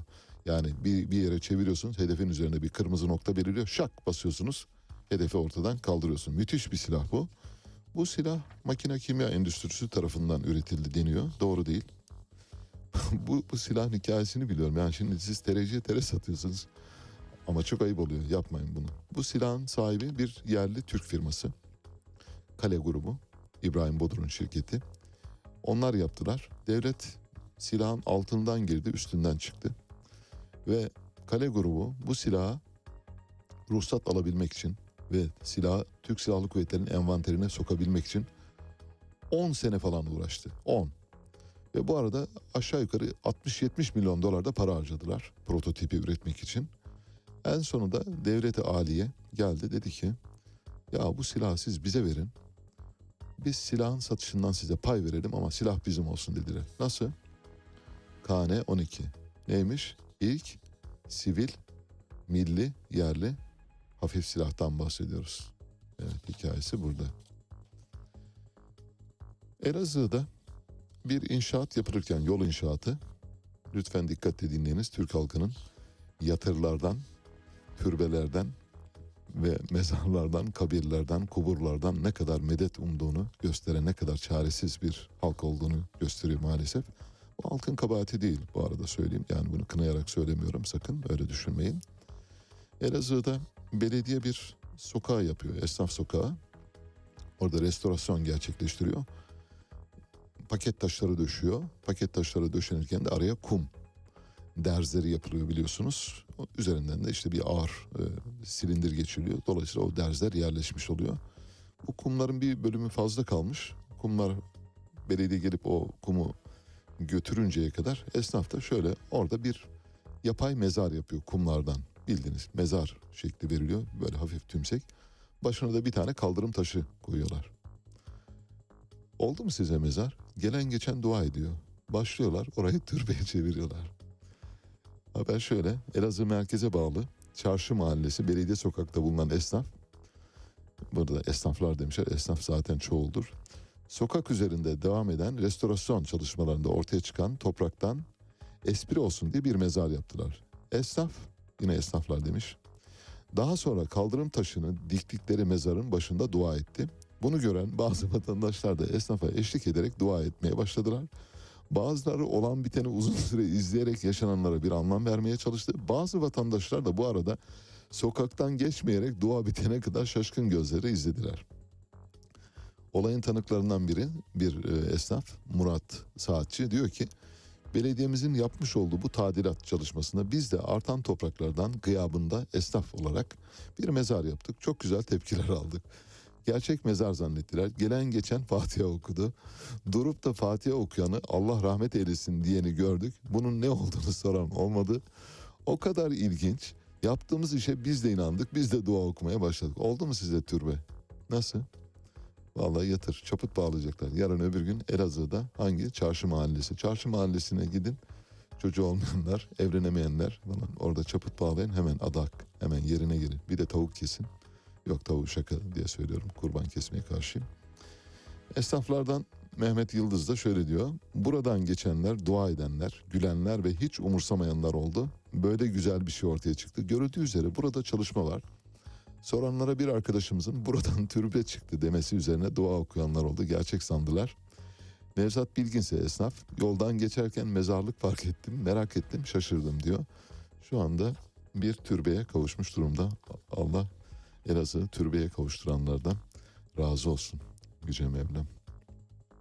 Doğal Hayatı Koruma Vakfı yaban hayatı popülasyonunda 1970 yılından bu yana 70'ten bu yana 50 yıl geçti 52 yıl 52 yıl içinde bakınız dünyanın tarihinde ne kadar kısa bir döneme işaret ediyoruz. Dünya 4.66 milyar yaşında ve sadece 50 y- yıl içinde 50 yıl içinde yaban hayat popülasyonundaki kayıp ne kadar biliyor musunuz?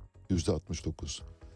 Her 10 yaban hayat canlısının bitki ya da hayvandan bahsediyoruz. Her 10 canlıdan 70'i 69'u yuvarlıyorum 70 diyelim. 70'i kaybolmuş elimizde kalmış 30. Bu hızla gidersek e, önümüzdeki 30 yıl içinde o 30'u da ortadan kaldırırız. Şahane bir hayatımız olur. Müthiş güzel bir dünyamız olur. Önemli ve ciddi bir rapor.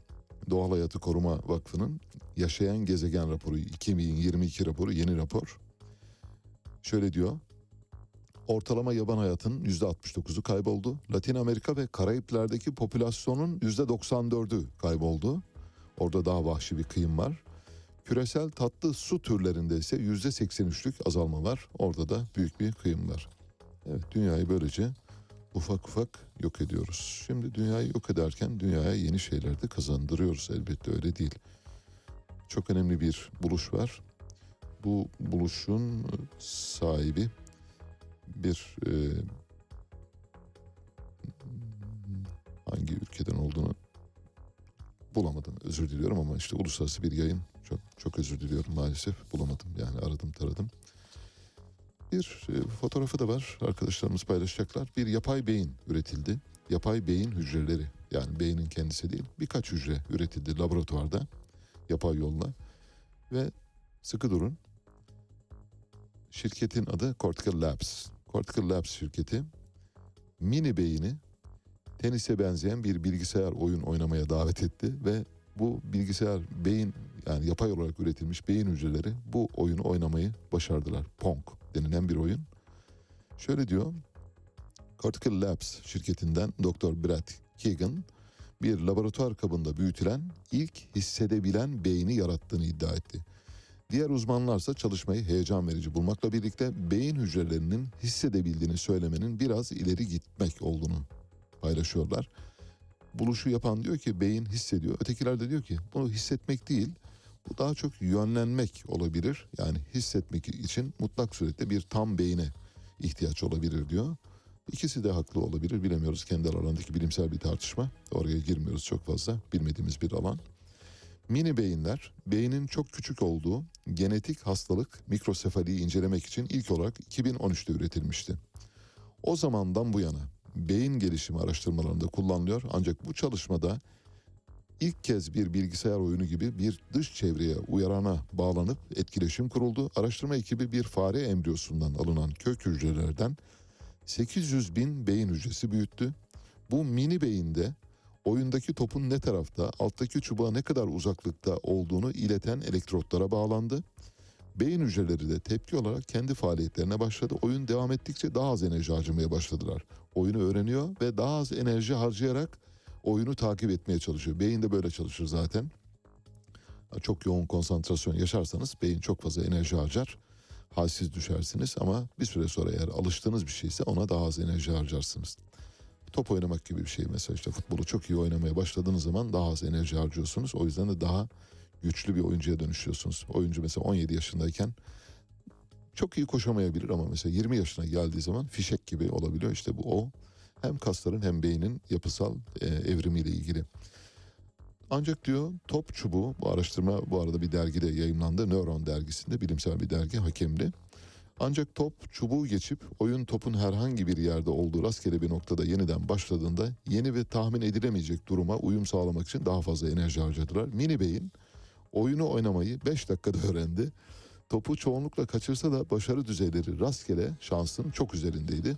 Fakat araştırmacılar bilinci olmadığı için bir insan gibi Pong oyunu oynadığının farkında olmadığını fark ettiler. Yani oyun oynuyor ama ne oynadığını bilmiyor. Fakat oyunu oynuyor, başarıyor.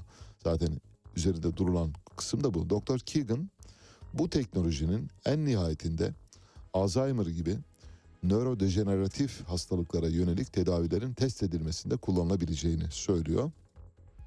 Ayrıca Dr. Keegan'ın sistemini hissedebilir diye tanımlaması üzerine itirazlar var. Cardiff Üniversitesi'nden Dr. Dean Burnett diyor ki bu bir düşünen sistemdir. Hissedebilen sistem değildir diyor.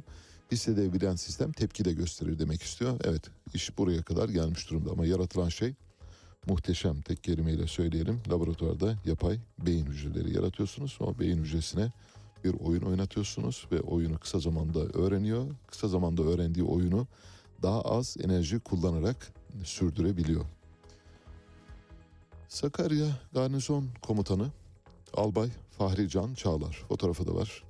Gösterelim bu ahlaksızı.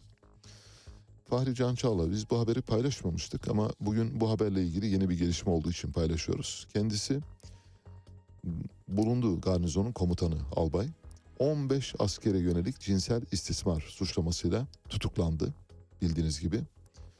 Ve kendisinin taciz ettiği askerlerden biri Taha Yapar adında bir asker Tuzla'daki birliğinde intihar etmişti bu duruma dayanamayıp. Dün Fahri Can Çağlar'ın haberlerine erişim yasağı geldi. Nasıl? Kimi koruyorlar burada mesela? Askerleri mi koruyorlar? Burada istismar diye geçiyor ya 15 askere. Tecavüz bildiğiniz gibi. Bu haberlerde bu deyimlere maalesef böylesi bir kılıf giydiriliyor. İstismar diyorlar. Taciz, tecavüz. Bildiğiniz tecavüzden bahsediyor. 15 askere tecavüz etmiş. Askerlerden biri intihar etmiş. Cezaevine konulmuş haberlerine erişim yasağı getiriliyor. Kimi kimden koruyorsunuz ve neden yapıyorsunuz? Hangi mahkeme bu karar alıyor? Ne adına alıyor? Kamu adına mı alıyor? İnsanlık adına mı alıyor? Kim adına alıyor? Ordu adına mı alıyor? Mesela ordu adına alıyorsa almamasını istiyoruz. Ordu adın, ordunun böyle bir şeye ihtiyacı yok. Ordunun böyle bir askere ihtiyacı yok. Evet.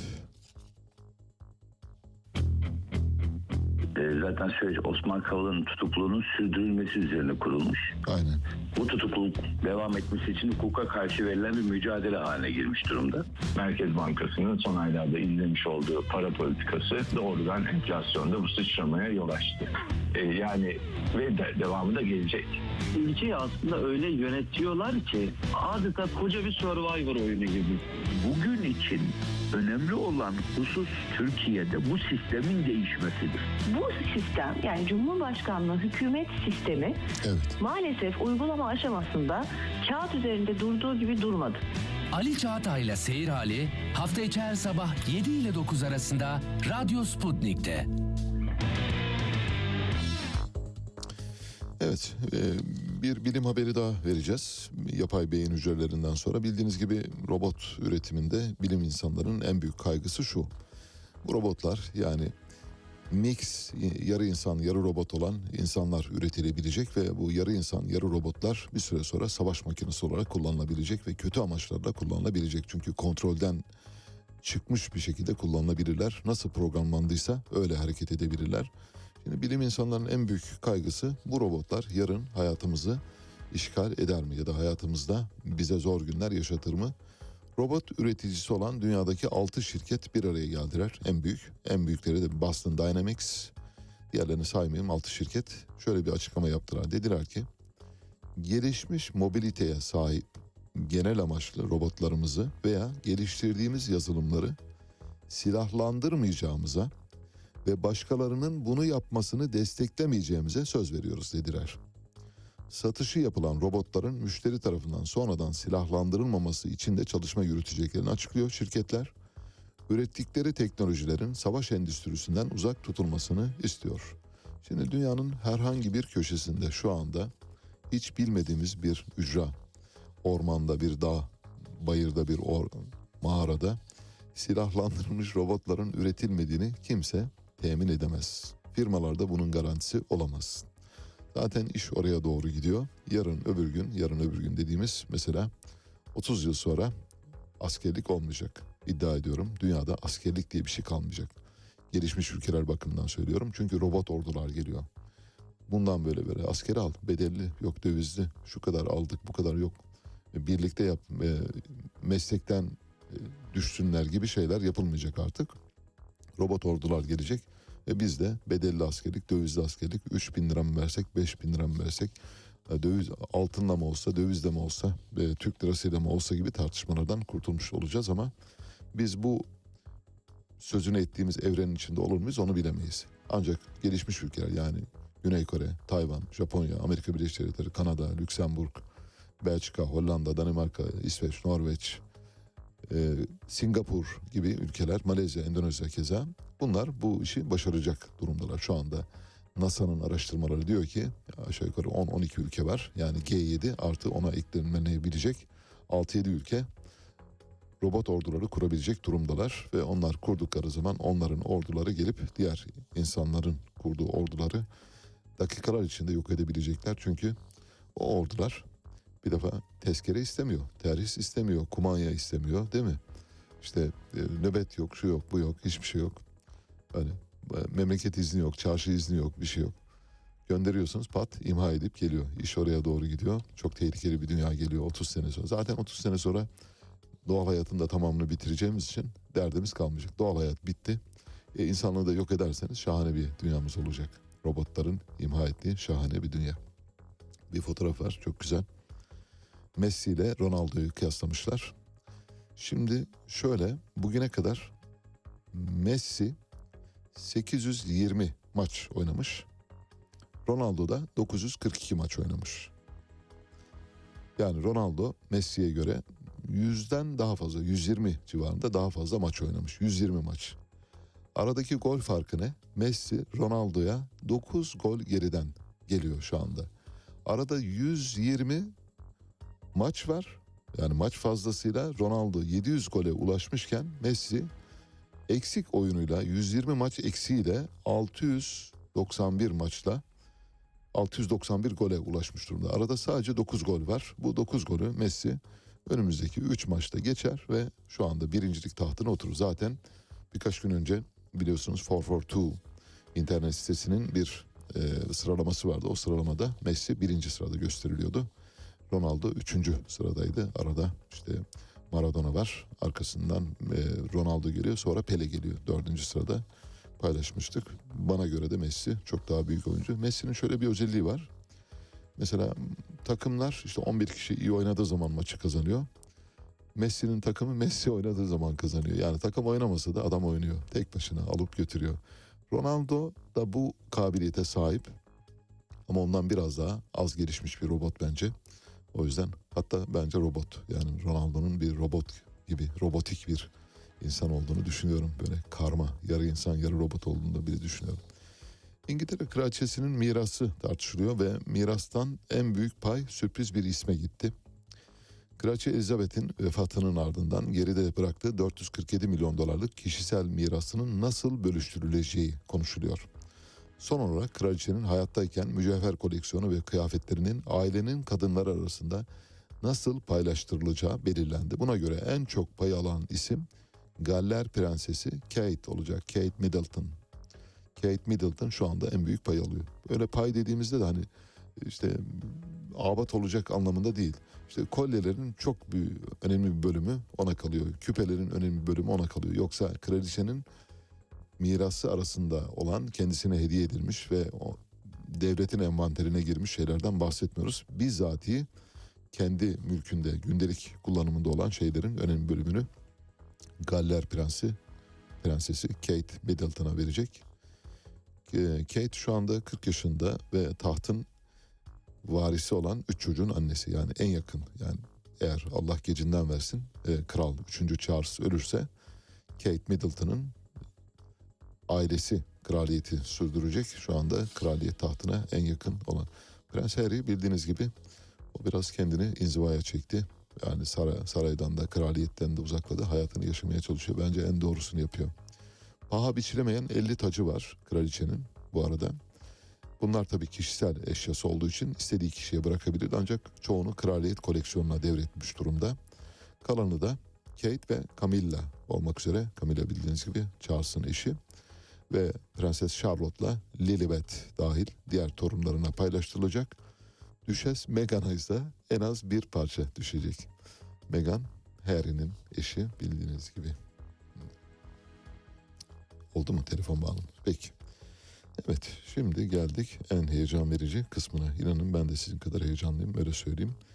Çünkü bildiğiniz gibi sosyal medya yasası dün geçti. Tartışmalı olan 29. maddede dahil olmak üzere değişmeden geçti. E, sosyal medya yasasının hayatımıza getireceği olumlu özellikler de var, unsurlar da var, olumsuz unsurlar da var. Olumsuz unsurların çok önemli bir bölümü 29. maddede temerküz ediyor. 29. madde daha açık bir dille yazılmış olsaydı belki bu kadar endişe etmeyecektik. Ama şimdi sosyal medya yasasının hayatımıza getireceği ya da getireceği şoku atlattık. Yeni bir şok var. Biraz önceki fıkrada olduğu gibi kavuncu geliyor şimdi arkadan. Şimdi kavuncunun gelişini anlamaya çalışacağız. Yeni bir infaz yasası geliyor. Bugüne kadar Türk ceza hukukunda iki yıla kadar olan hapis cezaları ertelenebiliyordu, paraya çevrilebiliyordu. Yeni infaz yasası geldiği takdirde bir aylık bir hapis cezası bile olsa yani işlediğiniz suçun karşılığı bir aylık bir hapis cezası bile olsa hakimin takdirine bağlı olarak sizi içeride bir günde tutabilir bir ayda tutabilir biliyor musunuz? Evet iş oraya doğru gidiyor. Bu bu bu hakikaten e, dehşet verici bir şey ama bu dehşet verici bir şeyi bakalım hukukçular nasıl değerlendiriyor? Bize göre böyle de acaba gerçekten hukuki yorumu öyle mi diye bakacağız. Zincirlikuyu mezarlığındaki girişteki o sözü tekrar hatırlatıyorum. Her nefis en sonunda ölümü tadacaktır diyor. Eğer bu yasa geçerse bana göre kendi görüşümü söylüyorum. Birazdan hukukçunun görüşünü de alacağız. Bu yasa geçerse her Türk vatandaşı, Türkiye'de yaşayan her fert eninde sonunda illaki bir gün cezaevini tadacak. Öyle gözüküyor. Bakalım acaba öyle mi değil mi? Telefon hattımızda avukat Sefa Karcıoğlu var. Sefa Bey hoş geldiniz. Hoş bulduk merhabalar. Şimdi 14 dakika vaktimiz var. 15 demiştik ama bir dakikayı ben girizgaha ayırdım. Dolayısıyla sizden çalmış oldum ama ilave ederiz gerekirse. Ama 14 dakikada da bitiririz diye düşünüyorum. Şimdi e, sosyal medya yasasını vakit kalırsa belki biraz değerlendirmenizi isteyeceğim sona doğru. Ama önce bu söz konusu infaz yasasını değerlendirmenizi rica ediyorum. Henüz ayrıntıları çok belli değil ama aşağı yukarı ne olabileceğini tahmin ediyorsunuz. Nasıl bir yasa geliyor hayatımıza ne gelecek? Şimdi e, öncelikle şunu söylemek lazım. Bizim e, infaz yasamız nasıldır? E, neden böyle bir e, ihtiyaç var? Evet. Bakan neden böyle bir açıklama yaptı? Ondan söylemek lazım. Ya da ihtiyaç gerçekten var mı? E, şimdi bizim e, kanunumuzda e, örneğin bir yıldan üç yıla kadar ya da işte e, bir yıldan beş yıla kadar hapis cezaları var ve orada e, kaç yıl e, ceza alacağını somut olaya göre hakim kendisi takdir eder. Evet. Ama bizim bir e, mahkeme karar verdikten sonra örneğin bir yıl 8 ay ya da ilk yıl 4 ay gibi bir ceza verdiğinde e, bunun nasıl olacağını e, bir kısmını mahkeme kendisi takdir eder ve e, kararında verir. Bir kısmını da infaz yasası kapsamında ilgili birime gönderir. E, der ki e, bunun yatarı ne kadar hesaplayın ona göre yatırın. Evet. Ama mahkeme e, eğer 2 yılın altında bir ceza vermiş ise örneğin bir yıl 9 ay Evet. ya da iki yıldan bir gün bile az olsa bir ceza verdiğinde e, bunu e, e, erteliyordu, paraya çeviriyordu ya da hükmün açıklanmasının geri bırakılması dediğimiz HAGB olarak bilinen e, bir şekilde bunu 5 yıl boyunca erteliyordu. Yani e, bir şekilde e, hem sicilini işlemiyordu hem de hakim bak ben 5 yıl boyunca gözüm üzerinde Hı hı. eğer bir daha kasten bir suç işlersen e, hem bu cezayı çekersin hem de diğerini yeni işleyeceğin suçu e, çekersin şeklinde bir hüküm oluşturuyordu. Evet. E, dolayısıyla e, genel anlamda söyleyeyim yani iki yılın altında bir hapis cezası aldığınızda cezaevine girmeniz mümkün değildi. Tamam. Eğer iki yıldan üç yıla kadar bir ceza aldıysanız da e, yine hapse giriyorsunuz ama çok kısa bir süreliğine giriyordunuz ve denetimli serbestlik kapsamında da üç gün beş gün bir gün yatıp tekrar çıkıyordunuz. Evet.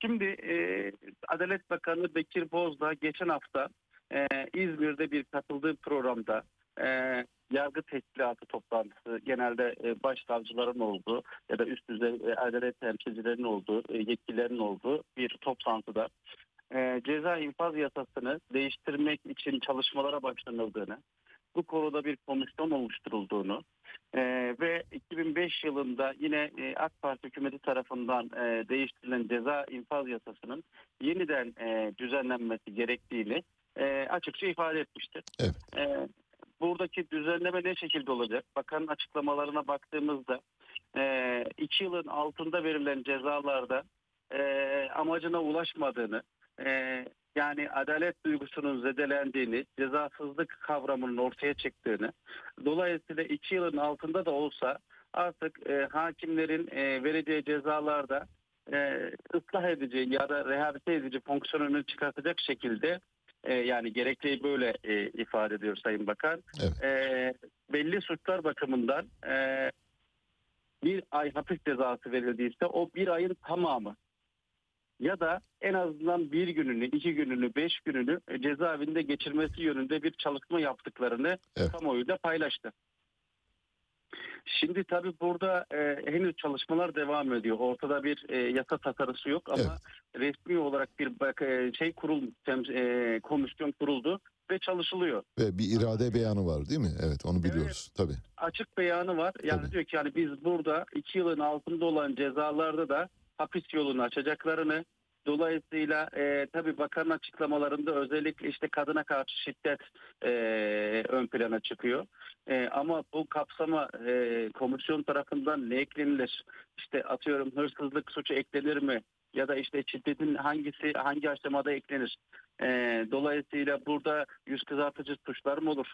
Yoksa yeni hayatımıza giren sosyal medya yasası e, olarak bilinen, sansür yasası olarak bilinen e, kapsamda bir yıldan üç yıla kadar ceza verildiğinde bir yıl sekiz ay ceza verildiğinde yine bir cezaevi yolu açılır mı açılmaz mı? Bunlar henüz belli değil. E, dolayısıyla bir çalışma yapıldığı söyleniyor. Resmi açıklama da yapıldı. E, ileride bizi neler beklediği inanın e, şu aşamada muamma. Ama e, bir sistem değişikliğine gidileceğini en yetkili kişiden e, duymuş olduk. E, dolayısıyla burada bir ay e, ceza alan kişiye de e, hapis cezası ya da cezaevine girmesinin e, önü açılacağını söyleyebiliriz.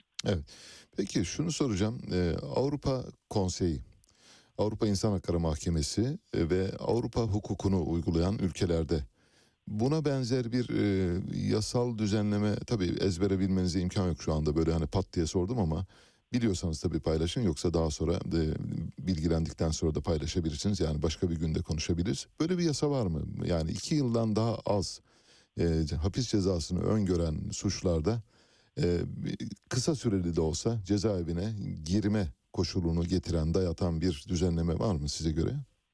Yani e, elbette ülke ülke olarak bilmiyorum ama belli suçlar bakımından özellikle nefret suçları bakımından ya da terör e, suçları ya da uyuşturucu yönünden ya da çocuk pornosu e, gibi Bunlar da vardır diyorsunuz. Evet. muhtemelen var olduğunu düşünüyorum. Çünkü iki yıl bir süre az bir süre değil.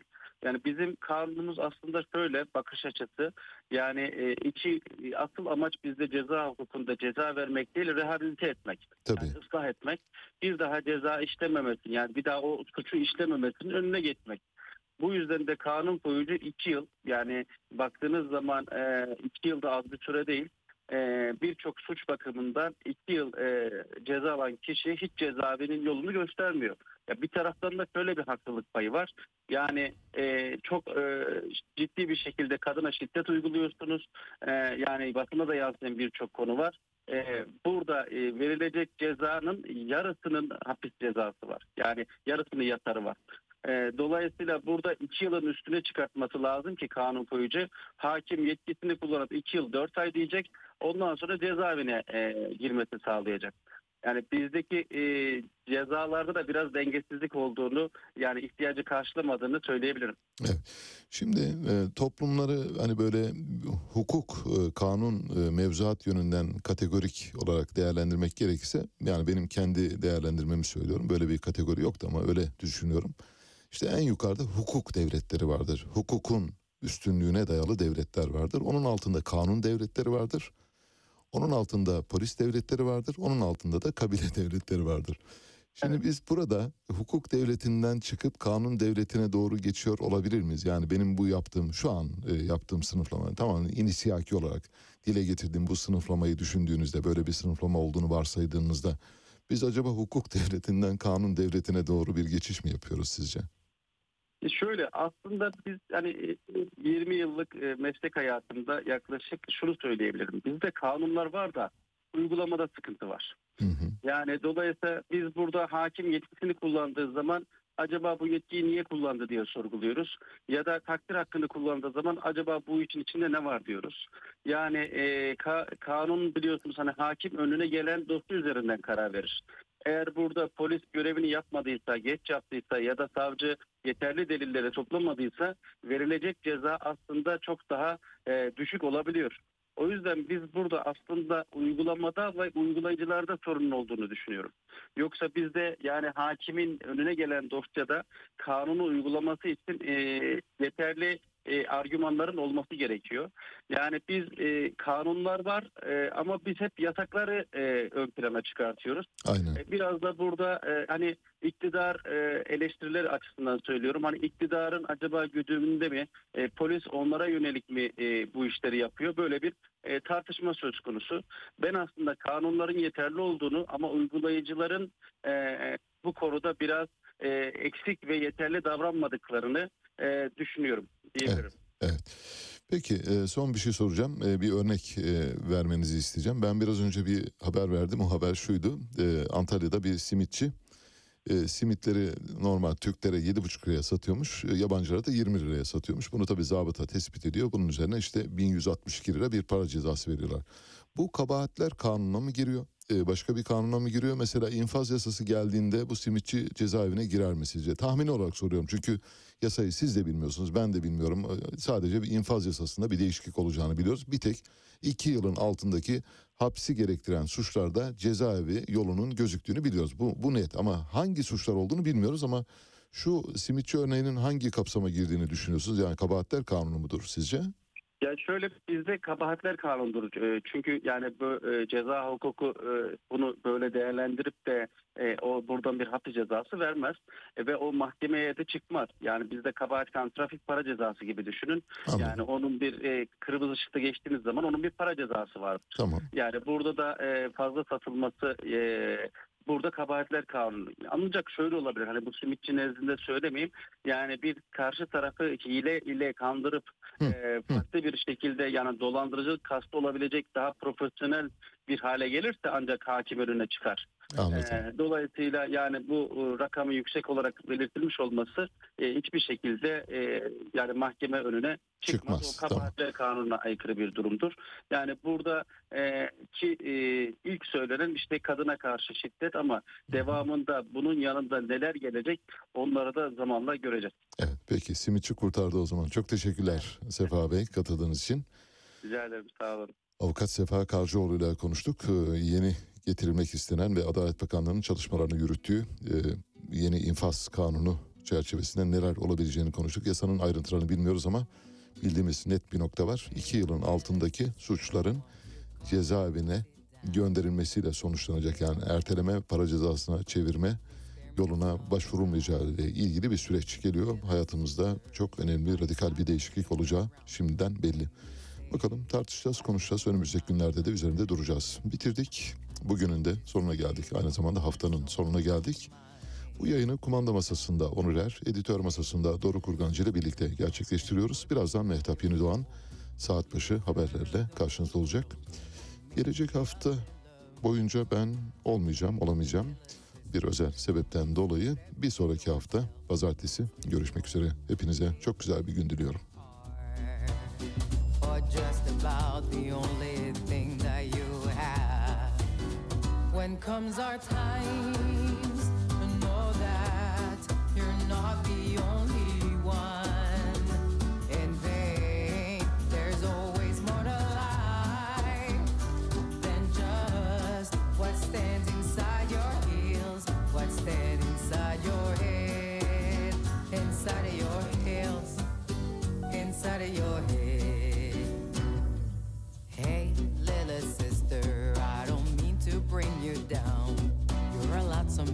don't make it a habit. They say they're hard to break.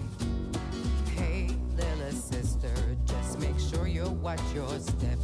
It's a long way till the end, or just a long way till the end. When comes hard times.